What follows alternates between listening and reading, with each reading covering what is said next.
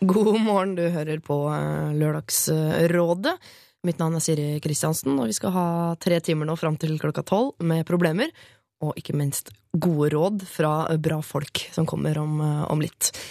Um, til deg, kjære, som kanskje har fulgt med på Lørdagsrådet lenge nå. Jeg har hørt mye, enten nå live eller på podkast, eller hvor du velger å høre det. Hva vet jeg. Jeg har tenkt nemlig på en ting, og lurer på om du tenker på det samme. Om Lørdagsrådet jeg er i ferd med å gå i samme retning som TV-serien Lost. Eh, som var ekstremt kul, og er en kul serie, men eh, jeg har etter hvert begynt å tenke sånn Hvis man nå hører på, eller ser på fra starten, og skriver ned, så går det ikke opp. Altså Det er en del ting eh, man begynner å ta opp, og som plutselig ikke stemmer i andre enden. Eh, som dette dyret i Lost som eh, gikk gjennom jungelen sånn at trær hvelvet. Som de plutselig ikke snakket om i sesong to. Sånne type ting. Eh, vi har nemlig noen sånne dyr som går gjennom jungelen her i Lørdagsrådet og hvelver trær, og så plutselig snakker vi ikke mer om det. Og da tenker jeg på, i kjærligheten spesielt, så har vi en tendens til å si sånn Hvis det er kjærlighet, så sats med begge beina. Hopp! Gi alt du har. Skal du vinne, så må du satse. Altså, vi kan gi det rådet der. Men så innimellom oss så kommer det inn problemer, og vi sier sånn Kjærligheten, nei, den kan vente. Det er ikke den rette nå du skal møte mange byer i Belgia, fiske sjøen og blæ, blæ, blæ, det ordner seg. Drit i kjærligheten, ha det gøy, gå på fest, og. Og da mener jeg eh, Da veit jeg liksom ikke hva er det vi egentlig mener. Skal man satse, eller skal man ikke satse? Og det er litt tilfeldig ut fra hvem som er rådgivere den gitte dag, om man får beskjed om å satse eller ikke satse. Derfor er det viktig at man hører på alle rådene, men allikevel ta med seg mavefølelsen sin eh, når man gjør en avgjørelse. Vi skal nemlig ta et eh, problem ganske tidlig i dag som handler om skal jeg satse på kjærligheten, eller skal jeg eh, la være? Altså Skal jeg nå legge liksom, alt i hendene på denne ene mannen, eller skal jeg flyte litt rundt og leite litt og sjekke litt hva som fins der ute? Jeg har gjort meg opp min mening som vanlig, og så får vi se hva dagens rådgivere har å si om saken. Og de er Line Verndal, Christer Torjussen og Gaute Grøtta Grav. Før de eh, tar plass på hver sin stol her inne sammen med meg, så skal vi en eh, liten reise tilbake i tid her i Lørdagsrådet. Først altså, The White Stripes. Dette her er Seven Nation Army. The White Stripes hørte det her med Seven Nation Army. For eh, noen uker siden så var Sean Henrik Matheson og Kristin Vincents her sammen med Hans Olav Brenner og meg selv. da. Og de prøvde å gi eh, råd til eh, en, eh, en jente som hadde Jeg beklager. Ja, jeg har med datteren min på jobb en dag. Har mamma alt. Og sånn er det. Vi skal snakke om en annen mamma eh, av typen svigermor, som kanskje gir sønnen sin litt vel mye hjelp. Det var en jente som skrev inn til oss og sa at eh, kjæresten min har en eh, mor som kaller fortsatt eh, sønnen sin for mammas lille gutt. Hun kommer innom, lager mat til han, bretter klærne hans. Altså Hun er så innmari til stede at han klarer aldri liksom å fri seg fra henne. Og jeg er ikke interessert i å ta over som mor til denne kjæresten. Skal jeg gå fra han, eller skal jeg ikke? De var 30 år gamle. Vi skal høre litt hva rådgiverne sa når de var her. Dette er jo lett på én måte og kjempevanskelig på en annen måte. Det som er, er at Svigermor er jo ikke problemet. Mm. Det er han som er problemet. Det er han som må forandre seg. Det er han som må sette grenser. Hvis han er normalt oppegående, så vil han jo skjønne at hun ikke har lyst til å bo i en krigssone av rot og dritt. Da tenker jeg at de har vært sammen i hvert fall et halvt år, antageligvis et år eller mer. Men bor altså hver for seg. Jeg syns det er litt rart òg, da. Hun burde iallfall sjøl slutte med rydding og vasking og sånn. Hun kan Ja. ikke klage over at eh, moren hans gjør det, når hun gjør det samme sjøl. Så du må ta et selvoppgjør på det, og så må hun gå rett på å kreve endring. Så eventuelt bare finne en ny type. Altså. Finn en ny type er et veldig konkret eh, forslag. Ellers så er du nødt til å gå i strupen på dette her og kreve av eh, kjæresten din, som er 30 år, og oppføre seg som om han er 30 år. Dette er Lørdagsrådet på P3. P3. Finn deg en ny type. Det er hardt eh, å si, og jeg håper jeg slipper å si det igjen i dag, selv om vi faktisk eh, skal litt den veien om ikke så lenge. Vi har fått en eh, mail fra denne jenta. Hun skriver Hei igjen, Rådet. Tusen takk for råd om hvordan takle mitt forhold til kjæresten og hans svigermor. Bare i løpet av den siste uken har ting blitt litt klarere. Og rådets konklusjon om å finne seg en ny kjæreste er hakket nærmere enn tidligere. Vi har vært sammen et år, og ja, sier jeg er helt enig i at det er rart. Det som ble utløst i forrige mail, kall det gjerne den lille tilleggsinformasjonen, er at kjæresten min ikke ønsker å flytte inn med meg, men derimot mora si, som kan vaske og lage mat i hybelen, en hybel på tolv kvadrat. Dette uvanlig tette forholdet til mor handler om kompleks problematikk og dårlig samvittighet som kompenseres med å vaske og lage mat. Greit nok. Kjæresten min argumenterer for at han ikke er klar for å settle down før han har fått orden på livet sitt. Til tross for at han syns jeg er fantastisk og aldri har følt et slikt bånd til noen annen jente før. Spørsmålet er fremdeles hvor lenge skal jeg vente på at en 30 år gammel mann skal bli klar? Det sier seg jo selv. Jeg burde gå. Jeg er riktignok bare 25, men fornøyd med livet og ønsker å være sammen med en mann som ser like positivt på livet. Hilsen snart singel jente med kjærlighetssorg. Vi liker ikke å gi folk kjærlighetssorg, men vi liker jo å rydde opp. eh, Så jeg håper du har det bra. Og så håper jeg at kjæresten din også finner ut av ting, og kanskje får seg en kjæreste som gjør at han kan løsrive seg fra eh, mor. Nå kommer rådgiverne hvert eh, øyeblikk inn i stua her, som vi befinner oss i Lørdagsrådet. Men vi skal høre litt musikk først. Ut først er Lord. Dette her er Royals. Du hører fortsatt på Lørdagsrådet, og det der var Provient Audio med Once I Thought. Nå har rådgiverne funnet hver sin røde stol. For julestemningens skyld. Nei da, de er alltid røde. Line Verndal, god morgen. Takk. Takk, Sier man takk til god morgen? Eller Ja, men sier man jeg god morgen tilbake? Jeg er litt groggy. Jeg var vel på julebordet i går, for å si det sånn. Så da sier man takk. Så det er så gøy sånn høflighetsfrase, for noen ganger svarer man helt feil tilbake. Eh, Christer Torjussen, god morgen. Takk. Også. Vær så god. for det, altså. Vær så god. Gaute Grøtta Grav, god morgen. God kveld. God kveld. Eh, er det flere som har vært på julebord? Nei, jeg var så dum at jeg hang litt med svenske bartendere i går, og det må man ikke gjøre. Men det er dumt hele året. Ja, men Ja. det var etter jobb, så tenkte jeg sånn, nå var siste julebordsjobben unnagjort i går, Ja. og så dro jeg bare ut for å se om jeg fant noen folk, og så fant jeg dårlige mennesker, svenske bartendere, og de er veldig rause. Ja. Så måtte jeg gå hjem. Så du ble det fri bar på deg i går? Ja, i hvert fall fram til halv ett. Det er ganske voksent å tenke, vet du hva, nå har kvota, nå er den fylt opp, nå må jeg gå hjem, for jeg skal på lørdagsråd i morgen, nemlig. Ja. Det varmer jo et lørdagsrådehjerte, som jeg jo har. Gaute, du har vel eh, vært eh, på en fjelltopp og drukket melk, kjenner jeg det? Ja, jeg skulle veldig gjerne vært det. Men, men nå er det jo eh, Farmen-finale i morgen. Så i går så var det faktisk en tilstelning med alle de gamle deltakerne. Ja. Og, men det er så artig at de hadde med seg enten en venn eller en familiemedlem da, på den tilstelninga. Ja. Da kunne vi se, vet du. Å, du ligner på mor di eller søster di eller ja. Artig, kjempeartig. Men åssen er det å se dem pynta? Er det litt som når man så håndballandslaget i Se og Hør i sin tid i hver sin paljettkjole, og man nesten måtte eh, dusje etterpå, for det var så vanskelig? Ja, jeg syns jo faktisk at Farmen-deltakerne er finest når de er på gården. Ja. Og folk er jo mye kjekkere når de river av seg sminka, ikke har håret fullt av stæsj og bare lever et naturlig liv, da. Ja. Syns jeg. Eh, bort, ja, Men så veit jeg jo at, at uten tilgang på høv, høvel og saks, Ja. så kan det bli tøffe tak da, etter ti uker, selvfølgelig. Så ha klærne på og være på Farmen. Da ser dere best ut. Selv om det nærmer seg jul, så er det ikke alle som kler å se ut som julenisse. Altså. Det må sies. Det er noen som bør barbere seg oftere, rett og slett. Har dere fått julestemning, eller Lina Christer? Ja, jeg vil påstå det. Altså, jeg vi skulle ønske det la seg noe snø, da. noe sånn ordentlig, men det gjør det jo ikke. Nei. Men du, er det enda flere enn ellers som snakker med deg om baking for tiden? Eh, nei, vet du hva, folk har vel skjønt at jeg ikke er så kjempeflink til å bake, så jeg tror de egentlig lar være, stort sett. Ok, Da skal ikke jeg heller spørre om noe råd, for det er vel strengt tatt for seint. Og du, Kristian, er du noen syvslagsmann, eller er det pepperkaker fra Rema? Nei, Altså, jeg begynte julegaveshoppinga i august for å slippe unna dette nå. Så Det tror jeg ingenting på. Er Det det er sant? sant. Ja, jeg orker ikke nå å løpe rundt og finne ting. Jeg bare, jeg, dette planlegger jeg nøye, for jeg har fått beskjed av psykologen min. Stress skal ikke du drive med. Nei. Så da driver jeg ikke med stress. Er ikke det et generelt godt råd, egentlig? Veldig godt råd. Men jeg hadde, det var jo den store Lucia-dagen i går, og jeg har to barn. Og Ja. de gleda seg så fælt at de måtte begynne å glede seg klokka fem eller noe sånt på morgenen. Da kom de inn i senga, alle 700 av de. Det er egentlig bare to. Men ja. Jens og Sissel, er det ikke det det heter? Så ja, det er jo Det var lussekatter og hure meg rundt. Ja. Det er jo, Når man spiser lussekatter som barna i barnehagen har bakt, så tenker man jo der spiste jeg snørr, der spiste jeg bleie, der spiste jeg det hele tatt. Men hva gjør man ikke for å få i seg litt Men jeg skjønner ikke det der gule i lussekatten. Det smaker jo så drit. Hvorfor putter man sånn gult oppi? Safran. Ja, det er ikke noe godt. Det skal se bra ut, da. Det ødelegger alt. Ja, det gjør ikke safran. Det var vel Det gurkemeie. er sikkert gurkemeien Selvfølgelig, som safran er kjempedyrt. Ja. Ja, det er den billigfetteren. nettopp, Hadde det vært safran, da hadde det vært noe annet. Da hadde det virkelig vært suksess, liksom. Og Ja. smaker bedre av safran, da. Altså, Gjør det? Sikkert. Det er ikke det, er ikke det kjempedyrt? Ja, du Jo, kjøpt en- gull, eller De har det på apoteket. Får kjøpt sånn liten pose til helt sånn, ja, masse penger. Jesus fikk jo safran på krybba si. Det helt sikkert på. Hva skulle han bruke det til? Skulle rett i bakst, eller? Røkelse, myrra og safran. Var det ikke, mangler det ikke noe her? Det eneste jeg ville ha, var Playmo og en Fantorangen-bamse. Fader, altså. Ok, vi tar en eh, kjapp runde på sivil status, som vi alltid eh, gjør. Uh, Gaute?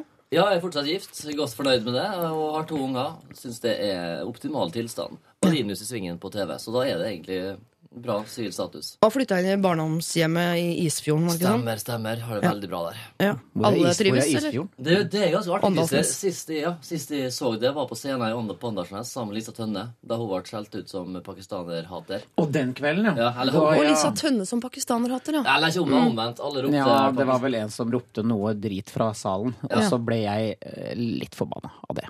Så Derav dette med psykolog og stress. Og det var jo den tida her. Det var jo sånn i fjerde juledag-tida for noen år siden. To år Ja, siden. eller noe to sånt. år siden. Og da valgte Dagbladet å slå opp det. Ja. For det var ikke annet å skrive om. Så da ble du faktisk rikskjendis igjen da, i jula der. Ja, men det, jeg skrev på Twitter samme kvelden sånn Fin kveld i Åndalsnes, eh, men du som ropte pakkestrynet til Lisa Tønne, jeg håper du får en vond dag i morgen. Og Ja. så gikk det et kvarter, og så var avisene på tråden. Da var klokka sånn to på natta. Eh, og så bare eskalerte det. Men han, han gikk jo, komme ut, han stakkars kiden. Han ba jo om unnskyldning, la seg flat, og han har bare vært kjempefull og veldig dum. Så, Og han gikk jo ut i første lokalavisa med fullt navn og bilde og bare beklaga, og da snappa jo Dagbladet det bildet ganske Mm. kjapt. Så han gikk jo ut helt over hele Norge som Riksrasist. Ja, og det var han ikke. Han var bare full og litt dum, som du sier. ja. Så han har og ung, full Altså og Selv de beste folka kan bli litt rasister i fylla. Sånn er det for meg, fordi man blir rasshøl generelt. Ja, men man trenger kanskje ikke rope det fra, Nei. fra salen. Nei, men det er ikke alt man vet man snakker høyt eller inni hodet sitt. det er det som er problemet ofte. Men velkommen tilbake. Takk! Jeg kommer gjerne tilbake til Åndalsnes. Ja, altså. bra. Men Ikke, hvordan- romjula, ikke romjula, kanskje. Unnskyld. Åssen er det med den sivile statusen? Den er stabil som Ja. vanlig, heldigvis. Gift og to barn på to og fem. Har eh, fremdeles ikke sovet siden 2007. Nei? Nei da. Men soving er ingen som driver med det lenger. Det er veldig ut. Line Verndal. Jeg er vel eh, Jeg må vel kalle meg mellom kjærester. Nei, Gud, har du truffet en ny? Nei, men du som sånn- begynte å snakke om sånn det. Sånn Skuespillere sier alltid når de liksom er arbeidsløse, så sier de at de er i mellomjobb imellom jobb. Eh, jeg orker ikke å kalle meg for det S-ordet, så jeg vil heller si at jeg er imellom kjærester. Men Har du noen i kikkerten? Eh, det har jeg alltid. Jeg skal ikke spørre hvem Nei, eh, nei, nei. før eh, etterpå. Eh, og så har du, et, har du et, en unge, har du ikke? Jeg har en unge på Ja. sju. Og bor i en leilighet. Du Bor i leilighet. Ja. mm, for himmelblå penger. Alle de pengene jeg tjener på NRK. Jeg får er royalties dere for det, sant? Ja, ja, på sengetrekk og greier. Det er jo Dritbra. Har dere merch? Himmelblå merch? Merchandise? Masse himmelblå merch. Eh, det, vi fikk noe, det var noen gensere, husker jeg. Noen collegegensere. Blå, eller? Himmelblå. Ja, det var jo blå med hvit skrift, da. Selvfølgelig. Åh, Skal gjerne hatt kloa i noe sånt. Jeg kan ikke gå med den. Det er umulig for meg å gå Nei, med det kan du faktisk ikke. Nei, du kan faktisk ikke det. Ok, vi skal straks gi uh, råd, vi. Uh, men vi skal høre en uh, låt først. Dette er Florence og maskinen hennes, Spektrum. Spectrum. Florence and the Machine var det der, og Spectrum. Hun har den jo, dette er en Calvin Harris remix, altså, for de som er interessert. God morgen til deg som eh, hører på. Hvis du vil eh, nå oss, så kan du gjøre det med SMS. Eh, Kodeordet er P3 og nummeret er 1987, eller på mail eller alfakrøll.nrk.no hvis du har et problem, eksempel, eller andre innspill. Vi har fått et problem som dere skal få lov til å prøve å løse. Line Verndal, Christer Torjussen og Gaute Grøtta Grav. Det står Kjære Lørdagsrådet. Jeg har vært sammen med min fantastiske kjæreste i tre år nå, og i løpet av forholdet har vi bodd i forskjellige byer, gått på folkehøyskole sammen, bodd på hver vår kant av samme by, men nå bor vi i forskjellige land. Han er på første av fire år med studier i København, og jeg er ferdig med mitt her i Oslo når sommeren kommer. Derfor har vi snakket om at jeg kanskje skal flytte til han, noe jeg syns er en kjempeidé. Jeg savner ham veldig av hjemme, og det hadde vært fantastisk å ikke bare bo på samme sted, men også bo sammen. Baksiden av denne fine planen er at han eh, i så fall er den eneste grunnen til at jeg flytter dit, eh, og grunnene til å bli hjemme, de er mange. Jeg kjenner ingen i København, så, så eh, jeg kan fort bli ensom og bare få kontakter via typen som hun kjæresten. Men her i Oslo har jeg et stort nettverk. Dra til København er planen å få meg jobb i servicebransjen, helst på kafé, noe jeg har hørt at det er veldig vanskelig der borte for tiden. Men her i Oslo er jeg allerede ansatt på en kafé jeg liker godt.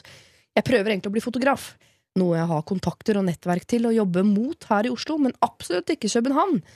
Kjæres- Kjæresten min har en krevende eh, studie, og det er lange studiedager, og ofte fra tidlig om morgenen til langt utpå kvelden. Så hvis jeg ender opp uten jobb og venner, blir nok dagene ensomme og lange. Og en siste ganske stor utfordring er at jeg er i et eh, at jeg et halvt år har slitt med psyken, vært sykemeldt og stort sett holdt meg innendørs. Jeg troa på at det blir mye bedre når sommeren kommer, og det er en forutsetning for at jeg skal flytte. Men det er en sjanse for at nervene er litt frynsete, og at jeg ikke fungerer optimalt i sosiale settinger. Så hva syns dere veier tyngst? Skal jeg flytte til København for å bo med kjæresten og satse på at ting ordner seg, eller skal jeg bli i trygge Oslo og fortsette å savne han? Vi er begge 21 år, hvis dere skulle lure. Hilsen avstandslei jente. Her, her var det mye. Det her var det, mye. før det der med psyken så tenkte jeg dra til København, da, for søren. Ja, er det mulig å kjede seg i Nei, det er jo fantastisk by. De har jo hei der. Hun, topp, hun toppa det på slutten der. For Ja, det at var hun, ja, det ble veldig komplisert der, altså. Ja. Jeg skjønner det. Men, men når de har sagt det med, foto, det med, med foto, Mm. at hun hadde jo kontakter her Jeg tenkte jo først dra til København, ta med deg kamera, få deg en, en annen jobb, ta bilder. Vi har jo fått, Nå er det digitalt, man kan sende bilder fra København til Ja Norge. vel, forklar meg ja, man kan gjøre det på datamaskin. og, og, men, men det er selvfølgelig, når det, er, når det gjelder sånn angst og sånne ting, så, så er det et helt annet eh, aspekt. Så, Men samtidig, risikoen her er jo ikke så innmari stor, tenker jeg. Altså, Hva er det verste som kan skje, er at det blir slutt. Og det blir jo slutt. Hvis hun skal være fire år i Oslo på avstand, så vil det bli slutt uansett. Ja. Tror du? Ja, ja, ja. ja. 21 år, fire år i København. Det funka jo ikke på avstand. Nei, du har kanskje rett i Det er jo bare å dra hjem igjen. Ja, Hvis ikke det det. funker. Det er jo det. Er jo det Og sånn. Jeg kanskje ikke får tilbake akkurat den kaféjobben, men det er ganske lett å få seg jobb i byen, har jeg skjønt. Men hun sa noe viktig det der med at hun ikke visste om hun kom til å, å få noe nettverk der nede. Og så handler det jo om henne, da, og at hun er, har vanskelig for å være sosial og har mura seg selv inne. Og det, det er, den, den bobla der er ikke lett å komme ut av, så hun vet hun kanskje drar til noe som er mer komplisert. Men jeg tenker jeg skulle ønske at du drar avstandslei. Jeg, jeg, jeg håper at du tar turen til København og prøver det. Men hva med, hva med fotoskole, da? For at da møter du jo masse folk. God Lettere å møte folk der enn på kafé, er det ikke det? Jeg... For så utdanna er du ikke når du er 21 år. Altså, Selv om du har vært utrolig skoleflink, så er det mulig å lære mer da. Ja. eh, Når du er i en alder av 21, tenker jeg. Ja, Til og med innen fotofaget. Ja. Ja. Men, og jeg har hørt at det er gode fotoskoler i København. Ja. Og eh, på den siden side, hun kan jo gå rundt hvis hun kjeder seg på dagen. Gå rundt og bare, Det er jo lettere å finne ting å ta bilder av i København. Ikke fordi det er flere ting å ta bilde av, men fordi man er litt sånn i turistmodus. Mm. Og plutselig så sånn Oi, se på det spennende hustaket. Som man glemmer å se på i sin egen by. Vi har noe by. sånn der? Photo Academy. Ja. De, de kaller alt noe sånn litt sånn engelsk. Laptop computer. Photo Academy. Jeg tror, jeg tror det er mange av det, altså. Ja. Ja. Men Og da møter du likesinnede mennesker. Ja, og uh, at det er vanskelig å få seg jobb på kafé. Jeg, visste, jeg tenker at Det får man til hvis man virkelig står på. Der får man Ja. jo i hvert fall masse venner. Ja. De andre som jobber på kafé, det er jo Jo, men utelivsbransjen light. si- sier hun allikevel det der, det er, det er bare å stå på. Så kanskje hun ikke har det ekstra giret da, som skal til for at hun er trygg der den bobla hun er i nå. Ja. Og det der å tenke at man sånn skal liksom starte på nytt og sånn, er ekstremt tungt for noen. Mm. Men uh, igjen, altså, jeg bare håper at hun tar den sjansen og drar. Men skal det lykkes, så må hun faktisk overvinne den der dørstokkmila. Hun må komme seg ut. Ikke bare for sin egen del, men det er utrolig slitsomt å ha ei dame eller en kjæreste som bare sitter hjemme og venter på at du skal komme hjem. Det er, Ja. ikke, det er ikke jobben hennes å være kjæresten. Det går ikke an å være det. Det, det går ikke i Norge, det går ikke i Danmark. Du må ha et separat liv, sånn at du kan snakke om hva du har gjort i dag. Ja. Ja. Men det som er vanskelig, er dette med sykdommen. Vi må ikke glemme den psyken. Nei. Det er veldig lett å si liksom, 'kom deg ut', og, men hvis hun er syk, så er hun jo syk. Men det, hun har jo blitt syk hjemme i Norge, Mm. blant vennene sine og i det hun kaller trygghet. Så det er ikke sikkert at det henger sammen. Kanskje Men det blir jobb- bedre av å komme seg et nytt sted. Men hun jobber på kafé nå i Norge, Ja. og er syk. Da, da klarer hun seg jo forholdsvis bra, skulle jeg tro. Ja. Og hvis hun er trygghetssøkende, at det er en del av uh, sykdommen, at den blir bedre av trygghet, så tenker jeg at er det noe tryggere enn kjæresten? Det fins jo ikke noe tryggere enn kjæresten. Nei. Venner er jo flyktige greier. De svever rundt der. di kan kanskje ofte være tryggere, da. Ja, ikke flytt hjem til mora di. Nei, Nei, ikke gjør det. Ikke gi et nytt alternativ der. Men jeg har sånn mal på mitt liv. Sånn, når jeg blir gammel og sitter på gamlehjem, eh, hva er det jeg kommer til å angre på at jeg ikke gjorde? Ja. Eh, og hvis hun ikke gjør Hun må jo gjøre, tenker Ja, jeg. i ja. utgangspunktet. Og så og så har du prøvd, da, hvis ikke det går. Men du kan jo ikke si nei til ting i livet ditt. Ja, Så er hun ikke som uh, hun er 21, hun er ikke 43. Eh, løpet er jo på langt nær kjørt, og det er fullt mulig å komme seg hjem fra København. Har jeg også lest. Båt, tog, eh, buss. Fly? Bu fly. Ja, faktisk. Jeg begynte med det. Ja, Ja. og hun mister jo ikke nettverket sitt her i Norge, selv om hun drar til København for en stakket stund. Om det så måtte være et halvt år eller fire år, eller hva noe som kommer til å skje. Men kan hun ikke ta, liksom, jeg tenker at hun tar et halvt år om gangen? eller sånn da? Ja, Ikke sant. liksom tenker så innmari langt og stort. Gjør Gjøre seg et prosjekt. Ja. Noe som man ser fram til sommeren. Ja, for nå har hun Ja. et halvt år hjemme, ikke sant? Da kan ja, du, tenker hun kan du allerede nå jobbe med eh, er, hvilke kafeer er det. Er det kanskje noen jeg kjenner der? Er det en fotoskole? Han kan jo begynne å jobbe med de ting der. Eller er det en eller annen klubb jeg kan melde meg inn i? Kan vi få oss bisse? gå mye i parken? Altså Bare legge en sånn sosial plan. Mm. For det er klart Hvis hun skal være der og bare sitte inne i en leilighet og vente på at kjæresten kommer hjem, det er ikke bra for noen av dem. Nei. Da kommer de til å, å fly på hverandre etter noen uker. Det ryker. Men et halvt år om gangen, altså. Hva tar det derfra? Alle er enige om at hun skal dra til Kjøben. Mm. Ja. Ja, er helt enig. Ja. For det, er- det er så mange ting som faktisk sier ja til det. Altså, Det har ikke, ikke alltid dratt til Kjøben. Det er ikke det som er fasitsvar bestandig. Men denne gangen her tror jeg vi er veldig enige. Ja, så er det, liksom, det er liksom Burkina Faso hun skal til heller. Nei, er. Eh, Hvor, eh, hvor kjæresten er diplomat og har to kollegaer uh, i et land som ikke har strøm. Dette er jo København, som er ganske nært Norge både i språk hvis, og hvis man har et, et øre for det. Og, og lese dansk er veldig lett. Ja. Ja. Jeg har også prøvd det. Det er lettere enn svensk, faktisk, å lese. Men litt vanskeligere å forstå. Ja, Men jeg, eh, etter å ha sett to sesonger med dansk Paradise Hotel, så skjønner jeg all dansk. Altså, eh, han eh, Gleger, han har lært meg altså, Nå skjønner jeg flytende dansk. Det er null problem for meg å skjønne. Så lenge det snakkes om knærlengden, selvfølgelig. Og det er stort sett det de snakker om der borte. Men når hun har sendt den mailen til oss, så betyr det at inni hjertet hennes har hun lyst til å dra. Det Ja, tror ja. jeg. ja. Og folk er så innmari på det her med at de burde gjort det, burde gjøre det. Drit i det. Ja. Kjenn liksom inni hjertet sitt, og så er jeg 21 år, da har du lov til å gjøre hva du vil. Ja. Men kan hun ikke liksom snakke med sine venner og familie og, sånn, og avtale at de kommer og besøker henne Jo, innimellom? og sånn, god idé! Ja. Ta første helga der nede sammen med venninna, og så Ja. har du eh, liksom veit du at mutter'n kommer neste helg. Altså, eh, lager noen sånne Og så har hun plutselig blitt guide, vet du. Ja. Kan vise folk rundt i sin egen by, og da ja, blir jeg stolt Ikke bare det, hun kan ha fotosafari. Oh. Hun får jo mer tid til å fluffe denne hobby Eller altså fluffe dette fotoprosjektet sitt. Fordi hjemme når man er blant venner, og sånn så kan man surre bort månedsvis med å bare drive og treffe en venninne her og der og gå på kafé. Og, Der kan man surre bort eh, årevis og ikke komme seg av flekken. Men der nede så tipper jeg at hun ganske kjapt kommer seg ut med et kamera og begynner å ta bilde av ting. Hadde jeg vært fotointeressert og visst at jeg skulle bosette meg i en ny by, jeg hadde jo gått amok, for jeg har mye film i kamera. Det var ikke sånn som var før, hvor du hadde 24 bilder, eller 36 hvis du var rik. Nei. Nå har jeg mange hundre, Mange og jeg ville tatt masse bilder. Det høres ut her, eh, avstandslei jente, som at du må dra til eh, København. Og jeg har jo tidligere i Lørdagsrådet sagt at eh, nei, alle må ikke dra hele tiden. Hvis du har det fint hjemme, så bli hjemme. Men du har det jo ikke så fint hjemme, egentlig. Så dra og se om det blir bedre der. Og gjør det ikke det, ja, så er det lov å pakke sekken og dra tilbake igjen. Men kjæresten din er i Kjøben, og Kjøben er en av de tre beste byene i verden. I hvert fall som jeg har vært i, da, av de syv jeg har vært i så langt. Eh, så eh, jeg er helt sikker på at du kommer til å kose deg der, og gjør du ikke det, ja, så drar du bare hjem igjen. Dette er Lørdagsrådet Sorry, jeg blir ikke lei av å si det, men dette var altså Innavøl-bandet. Kings of uh, Leon, deres uh, Pyro, og før det Holy Grail. Justin uh, Timberlake sammen med JC.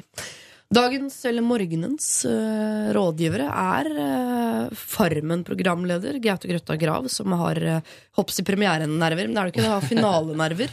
Ja, du er av nervene over. Si hvem som vinner, da. Du, det tror jeg ikke skal gjøre. For det er nokså mye betalingsvilje altså for å få inn penger fra meg hvis du gjør det. Ja. Det er bot på 250 000. Er det sant? Mm.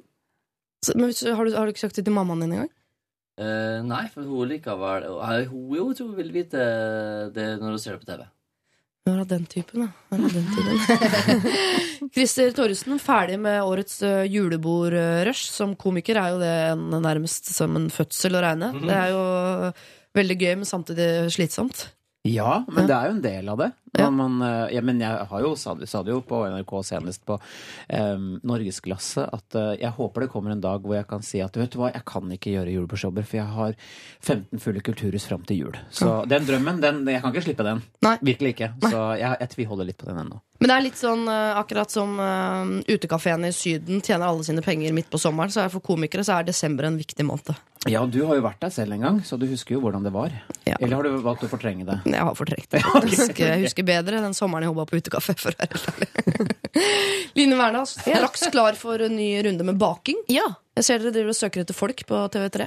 Jeg driver og søker etter noen videogreier. Eh, ja da. Eh, vi skal i gang etter OL. Vi må vente til OL er ferdig. Selvfølgelig. Jeg tror det er lurt. Mm. Ja. Først må vi sporte, Ja. så kan vi spise. Ikke sant? Sånn har det blitt. Yep. Vi skal hjelpe en eh, jente som vi har kalt for uh, julenissejenta. Ikke fordi hun er eh, datteren til julenissen, men fordi hun har liksom gaveproblemer. Og det har vi jo alle om dagen. Hei, Lørdagsrådet. Jeg skal nå begynne på julegaveshopping eh, for i år, men er usikker på hva jeg skal skrive på fralappene. Jeg har en kjæreste som har vært sammen i to og et halvt år. Vi gir ofte felles gaver til venner, men ikke til foreldre og søsknene våre. Da har jeg gitt fra meg, og han har gitt fra seg. I år vet jeg derimot at moren min har tenkt å strikke en genser til han i julegave. Dermed vil jeg legge opp til at det ikke blir for kleint for han, fordi hun gir noe til han, men han ikke gir noe tilbake. De har et greit forhold, men det ville, vært, det ville ikke vært naturlig for han å gi gave alene til henne, så det er ikke et alternativ. Da må jeg i så fall presse han til det ved å røpe at han vil komme til å få en gave fra henne. Dersom vi gir gave sammen til mamma, tror jeg også eh, hun vil synes at jeg er litt tøflete. Jeg regner med å få julegave av moren hans, men ikke faren. Og jeg tviler på at faren min vil gi julegave til han. Men dette vet man jo sjelden før gaveutdelingen er i gang, så hva skal jeg gjøre? Skal jeg skrive at alle julegavene til min familie er fra oss? Eller skal jeg holde meg til eh, at de er fra meg? Og når, må, eh, når kan jeg begynne å skrive at det er fra oss? Vennlig hilsen usikker julenissejente 23. Det er jo så enkelt! Jaha, kom med fasit. Gaute Grøtta. Når du er samboer, så Ja. gir du gave sammen. Ja. Når du bor hver for dere, så gir dere hver for dere. Ok, det er så Tenk- enkelt. Ja, ja, ja, ja, ja. Altså, her er også, Foreldre sin jobb er å gi gave. Det har Ja. alltid vært. Altså, selv om du gir jo gave til dattera di, og hun gir ikke så mange gaver tilbake. Og den gaven fra eh, datteren min til meg er ganske mye større enn den hun får av meg. Ikke sant? Har ikke du begynt med sånn? Gi dritdyre ting til deg selv og late som det er fra barna? Nei, det har jeg faktisk ikke gjort. Jeg får en marmorfat fra Hei til eh, 1500 Det er kroner. Altså ingen år. Ja, for det er, ikke kan alt du har fasit på, Gaute. Nei, jeg har brukt dyra, jeg, da. Sånn eh, katter og sånn. har Jeg brukt Ja. å gi meg sjøl gaver fra. Men å begynne å gi fra ungene det jeg, sånn, Tenk oss sjokk, da. Jøss, har jeg gitt den gaven til det? Ja. Og så bare De har ikke huska noe om. Ja, for at du har Nei, du har fått tidlig Alzheimers, da, liksom. Det, Ja, men barn er, blir jo født med Alzheimers, og så går det over en periode, og så dukker det opp igjen på slutten der. Det er det som er så genialt. Det som blir smell for meg, er jo når jeg går fra å få sånn dritdyre, fine gaver, og over til sånn Se hva jeg har lagd i trolldeig, mamma. Det blir jo en ganske hard overgang for meg, da. Men det var ikke meg dette skulle handle om. Det handler om eh, du sier også at fasiten er idet man blir samboere, så skriver man fra oss på, Men kan jeg spørre om en ting, Gaute? Eh, Hvem er det som kjøper julegavene? hos oss Ja. Silje. Begge to? Det er hun som gjør det? Til, ikke til meg, da. Men, Ja, men til til, til alle. Til foreldra dine, for eksempel. Ja, jeg, skal, jeg, må, jeg må ærlig innrømme å si at jeg har fryktelig dårlige eh, evner på julegave. Altså Folk kan skrive ønskeliste, så sier jeg at det kan jeg få. Ja. Men Ja. til og med hvis folk skriver ønskeliste, så kan de bli inspirert i butikken og, og, og kjøpe andre ting.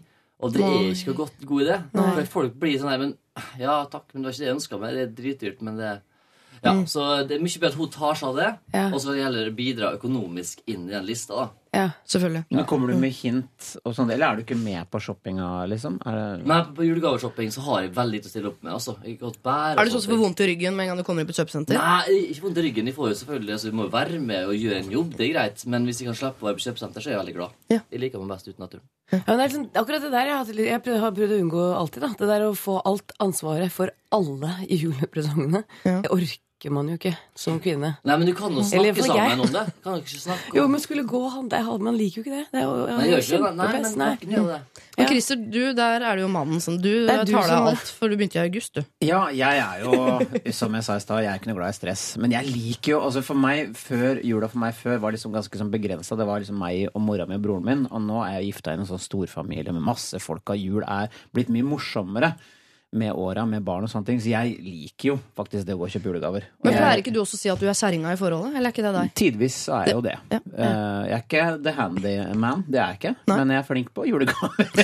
Nei, men vet du hva, jeg syns det er litt gøy, da. Jeg det. Men jeg er liksom avviker fra deg. Jeg syns det der at liksom, ønskelista er litt kjedelig. Jeg vil gjerne finne på mye kulere ting. Jeg har ikke fått noen klager ennå. Eller jeg kanskje ikke har turt å si noe. Men det som var problemet hennes, for Ja. at, det, er, det er jo et ilandsproblem.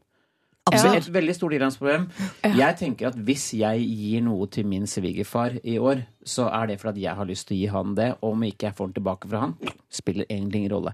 Det er Nei. givergleden som er viktigst. Var ikke det fint sagt? Oi, Jo. oi, oi. ja, det er jo sånn, og det, er jo, det, det merker jeg jo til eldre blir, at jeg tenker på hver julaften Søren, jeg burde jo egentlig handla flere julegaver, jeg òg. Ja. For det er jo veldig artig å gi. Ja. Det er ikke så artig, eller det er det som ikke det er artigere å gi enn å få, faktisk. Ja, det ja, synes jeg er det det, altså. Ja. Men jeg har blitt den der sånn her, folk som var ønsker du? Så blir jeg sånn eh, Jeg ønsker meg friske og snille barn. Jeg har blitt litt sånn, da. Ja, men ja. Ullsokker og sånn. Ja, men jeg har- jeg jeg, jeg har et problem med at det er ingenting jeg sånn konkret tenker at det, det er jeg kjempehypp på. Med mindre det koster en halv million kroner. Det er Da. akkurat det. Og det kan jeg ikke forlange. Eller i hvert fall 150 000. Ja. Hvis jeg ønsker meg skikkelig.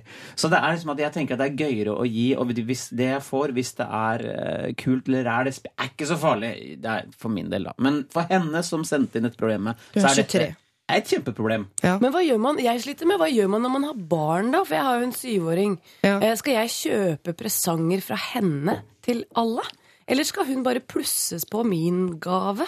Plusses på. Men skal vel bare plusses på? Ja, Eller så henger du med pakker hun marsipanger i, så henger på den store gava. Eller Ja, kjøp sånn på til beste foreldre kan og gjerne gi en liten ting til, kanskje. da Men hvem oppfatter dere i, eh, Jo, til, jo det, ja. i problemet her, da? Altså fra uh, julenissejente på 23. Uh, jeg, hun har ikke noe problemer, egentlig, og ikke typen heller. Jeg oppfatter at det er mor til julenissejente som er problemet.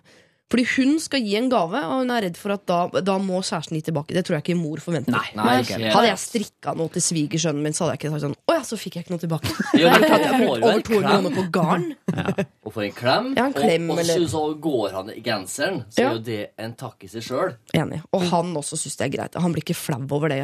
Og så sier hun også at hvis vi gir gave sammen tilbake, så vil mamma synes at jeg er litt tøffel. ja.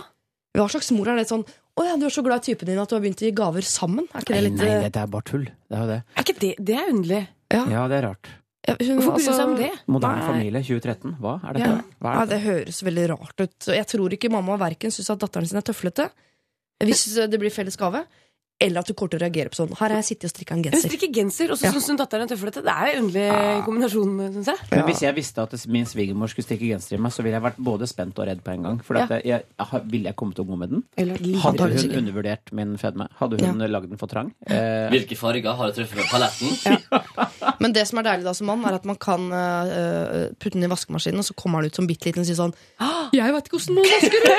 Jeg har ikke vaska klær før! Kan man si sånn, Den ble ødelagt. Jeg skulle gjerne ha brukt den, men nå har jeg gitt den til sønnen min. Det er genialt. Det er genialt. Ja. Ja, det er lett å være mann, ass. Det er så lett. Åh, husker du da jeg var mann? Det var så lett. da kjøpte jeg ikke gaver engang! Nei. Men syns dere at de skal vente til de flytter sammen med å skrive 'fra oss' på alle? For det er et større problem. Det er jo flere som kunne fått gaver fra de som par. Skal de vente til de er samboere, eller kan de bare begynne nå? De har vært sammen i to og et halvt år. Jeg veit ikke hva jeg skal si. Jeg bare tenker at gi gaver, da. Og så bare skriv fra alle oss til alle dere. Jeg vet ikke. Hva skal man. Hva skal man gjøre? Jeg syns det er litt vanskelig. Eller kommer liksom, jeg jeg er midt oppi det selv, føler jeg. I hvert fall når Ja. man da ikke er sammen med Det er sånn, Når man skiller av de, de tingene der, gjør det alt Du enda skriver ikke fra Line og eksmannen til Nei, og vi skal jo feire jul sammen i tillegg, så det, Ja. ikke sant? og da blir det mye presanger man liksom da må kjøpe. Det er, og jeg ikke gjør jo ikke det, for å være helt ærlig. Jeg er jo litt beinhard sånn sett. Jeg kjøper presanger som er fra meg. Ja. Og Helle. Og så Så får ryddig. eh, en mann eh, gjøre det han vil. Ja. Men det hadde vært veldig gøy. Jeg ser for meg julaften hvis du skriver sånn 'til eks-svigermor' fra eks. Bruker mye sånn eks på fra og til-lappen. Ja, det er ikke- lett, Det koselig. Jeg ser den, men jeg tenker la folk gjøre som de vil. Det er jo, det er jo ingen regler. Nei. Men jeg tenker jeg hadde iallfall ikke reagert i det hele tatt om det kom bare fra henne, eller bare fra han. Nei. Når jeg har kjøpt for mye gaver uh, til kanskje ett uh, menneske, hvis det er sånn mer enn to eller tre, sånn, som jeg klarer ikke la være, så skrev jeg sånn 'fra nissen Nei, til Oda'. gjør jeg gjør det. Ja, det. Ja, for da, da tenker jeg liksom at jeg ikke bare liksom lemper masse greier på nesen min. At jeg liksom, være liksom moderat det. Nei, det er fra nissen, det. Ja, men du Så- ønsker jo at de skal vite at det var deg. Selvfølgelig vet de det, men jeg på en måte jeg, jeg dytter problemet litt vekk ved å si at nei, det er ikke meg, det er fra nissen, da. Ja. Det er lov. Det er det. Kan ikke du bli, være med i min familie? Jo, dette, er en del, ja, dette er en del av å bli voksen. Altså, jeg var Ja. ikke sånn da jeg var 30. Jeg, Jeg merker at jeg er veldig 43 når det kommer til jul. Chris er komiker, så kan hyre han på julaften. Ja. Late som han skal ha standup. Og så sier hun bare eh, 'sett deg ned, du. Vi skal bare hygge oss. eh, Bli med på gaveåpninga. Vi vil bare ha deg her, for du er så koselig'. Så kult! Er det oppdrag du tar? Det hadde jeg gjort. Ja, Gratis. ja så hyggelig. Oi, ja. Kanskje familien din har blitt litt lei seg, men eh, Nei, jeg tror de er veldig lei av meg. Og, okay. ok. Nei da. Jo da. Nei da. Jo. Usikker julenisse 20, julenissejente 23. Eh, Du trenger ikke å skrive fra oss, og du trenger ikke å gi moren din trenger ikke noe gave fra typen din. Kjør på, dere bor hver for dere, er bare kjærester. Du gir til det du skryter og så får han eh, ta eh, sine ting på sin kappe. Men den dagen dere blir samboere, så kan du skrive sånn 'Fra oss i Kastanjeveien', eller 'Fra julenissen'. Da kan dere liksom pøse på med alle de der litt koselige klisjeene der. Kan jeg be henne om en ting? Og Ja. Vær snill å ta bilde av genseren og sende inn til Lørdagsrådet, så vi får Ja. se den over Ja. nyttår. Ja. Det har vært gøy. Og kan gjerne kappe av hodet på han mannen, også, Ja, så ja. man kan legge ut på Facebook hvis det er Ja, vi tar gjerne bare torso. Eh, bare ved genseren. Men jeg, jeg vil se den. Ja, Vi vil se den eh, før den er eh, tovet og krympet, eh, men også etter, hvis det er mulig. Jeg kryssa fingre for en god gammeldags Marius. Tror du det er Marius? Jeg håper det. Ah, jeg tror det er noe reinsdyr og noe greier. Altså. Er det? Er det formingen? Ja, ja, ja. Kanskje det er den der forbrytelsen-genseren. Hvem vet. Ok, eh, lykke til. God jul, kan jeg jo legge til. Vi skal over til Veronica Maggio. Vi, dette er Sergels torg. Veronica Maggio, det der var Sergels torg her i Lørdagsrådet. Og jeg skal spørre dagens rådgivere kjapt. Gaute Guttørav, har du vært på jorda rundt-reise noen gang? Uh, ja, flere ganger. Flere ganger, ja. Christer Thoresen, vært på jorda rundt-reise noen gang? Nesten vært i India, fått salmonella, reist hjem. Det holder, det. Ja. Eh, Line Verndal, vært på jorda rundt-reise? Nei. Nei. Ikke sant? For vi er akkurat for gamle egentlig til Jeg tror generasjonen bak oss, der har alle vært på sånn backpackingtur med en venn eller en Ja, på venninne. eller sånn. interrail, altså, men det teller jo ikke helt. da. Interrail er faktisk eh, 80- og 90-tallets jorda rundt-reise. Ja, da har jeg vært på jorda rundt. Men kommer det noe retro på det, eller? Ja, ja, ja, ja, ja, det er på vei tilbake, nå, i- spesielt i Øst-Europa. Ja. Og så gjerne tar du transsibirske jernbanen ja. til Kina, og så er du liksom gjort det, da. Det skal vi ha som bryllupsreiser. Det høres slitsomt ut, men ja, selvfølgelig, dere er jo togglad familie. Togfamilien. Veldig koselig. Vi skal på jorda rundt-reise nå, folkens. Eh, Fest setebelte! Stryk det fra podkast. Orker ikke at det skal bli sagt en gang til. Kjære, vakre, nydelige Lørdagsrådet. Jeg har begitt meg ut på en klassisk jorden rundt-reise sammen med en studiekamerat. La oss kalle han Anders. Vi har nå vært på tur i to måneder og har fire måneder igjen. Vi har vært venner i ca. fem år, og jeg anser han som en god venn, og jeg antar at han gjør det samme med meg. Problemet er imidlertid at han er en noe utfordrende fyr å være sammen med 24 timer i døgnet.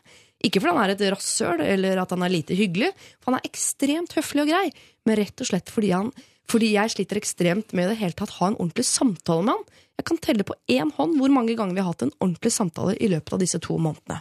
Det virker som han har store vanskeligheter med å la seg engasjere og interessere. Eventuelt undertrykker han disse følelsene stort. Dette får tre resultater. Han lar seg vanskelig interessere i andre mennesker. Eksempel. Jeg har, mens jeg har vært på tur, gjort det slutt med dama hjemme. Og han har ikke stilt ett eneste spørsmål om dette, eller lurt på hvordan jeg har det. To. Han lar seg ikke engasjere i diskusjoner og er veldig lite interessert i ting generelt. Hva enn det prates om, er han stort sett enig eller likegyldig, og gir aldri noen ny input i samtalen. Tre. Han gir sjelden uttrykk for hva han har lyst til å gjøre. Som sagt er vi jo på tur i seks måneder, og da må man finne på noe. Dere stusser kanskje på at jeg har en eh, venn eh, gjennom fem år uten å oppdage dette tidligere, men så har jeg heller aldri vært alene med han på den måten vi er nå. Flere har tidligere nevnt at de syns han er kjedelig, men dette har jeg avfeid og aldri tenkt noe særlig mer over. Det jeg trenger hjelp av dere, er hvordan jeg skal angripe situasjonen. Er det noe jeg burde snakke med han om, noe jeg burde prøve å endre? På forhånd, tusen hjertelig takk, dere er herlige. Det vet vi jo ikke på forhånd, men la oss prøve å være herlige, vil, ja, folkens. ja. Jobbe med det. Hva gjør han? Han har fire måneder igjen med en kompis som er relativt kjedelig, da. Hva gjør man da? Oi, oi, oi. Jeg tenker at han kanskje tenkte at uh, han er ikke noe problem å reise med, vet du, for han krever jo ikke så mye, og han er en ganske lett easygoing fyr. Mm. Og så har han ikke vært sammen på den måten døgnet rundt, og så oppdager man jo Dette er jo måten forholdet ryker på. Ja, ja. Eh, man Plutselig er man sammen og tenker Vet du hva, dette Alle kjærester burde dra fort på ferie, for da finner man ut om det er liv laga. Ikke sant. Jeg, tror, jeg tror intensjonen hans var god, at dette er et veldig lett menneske å forholde seg til. Og så går man på veggen. Men alle går vel på veggen når man har vært sammen i to måneder i strekk og skal ha fire måneder til. Jeg ville jo drept folk. Det er jo en klassisk backpacker-felle, dette her, da, vet du. Ja. Ja, ja, ja. Må aldri reise backpackertur bare med én kompis eller ei venninne. Det er veldig dumt i så lenge. Men tre høres også dumt ut. Ja, men det som er smart, er å legge opp eh, altså, at crewet blir bytta ut underveis.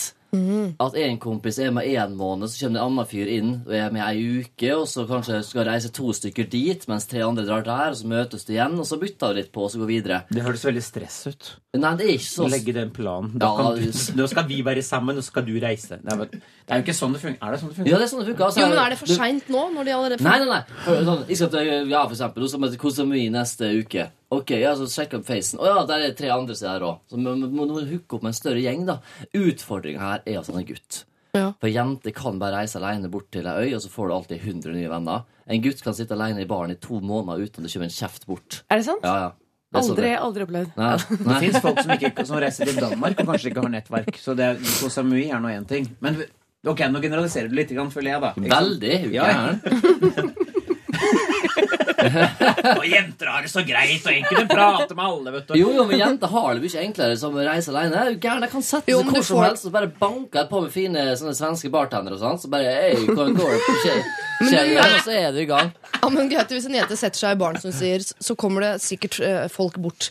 Men det er jo ikke folk som er sånn ja, Du ser ut som en som har lyst til å reise til India. Ja, det kunne jeg også tenkt meg. Skal vi reise sammen? Det er jo en fyr som har med litt sånn Du ser ut som en jente som har lyst på to fingre opp i tissen i et eh, stråtelt i nærheten. Nå Skal vi gå bort?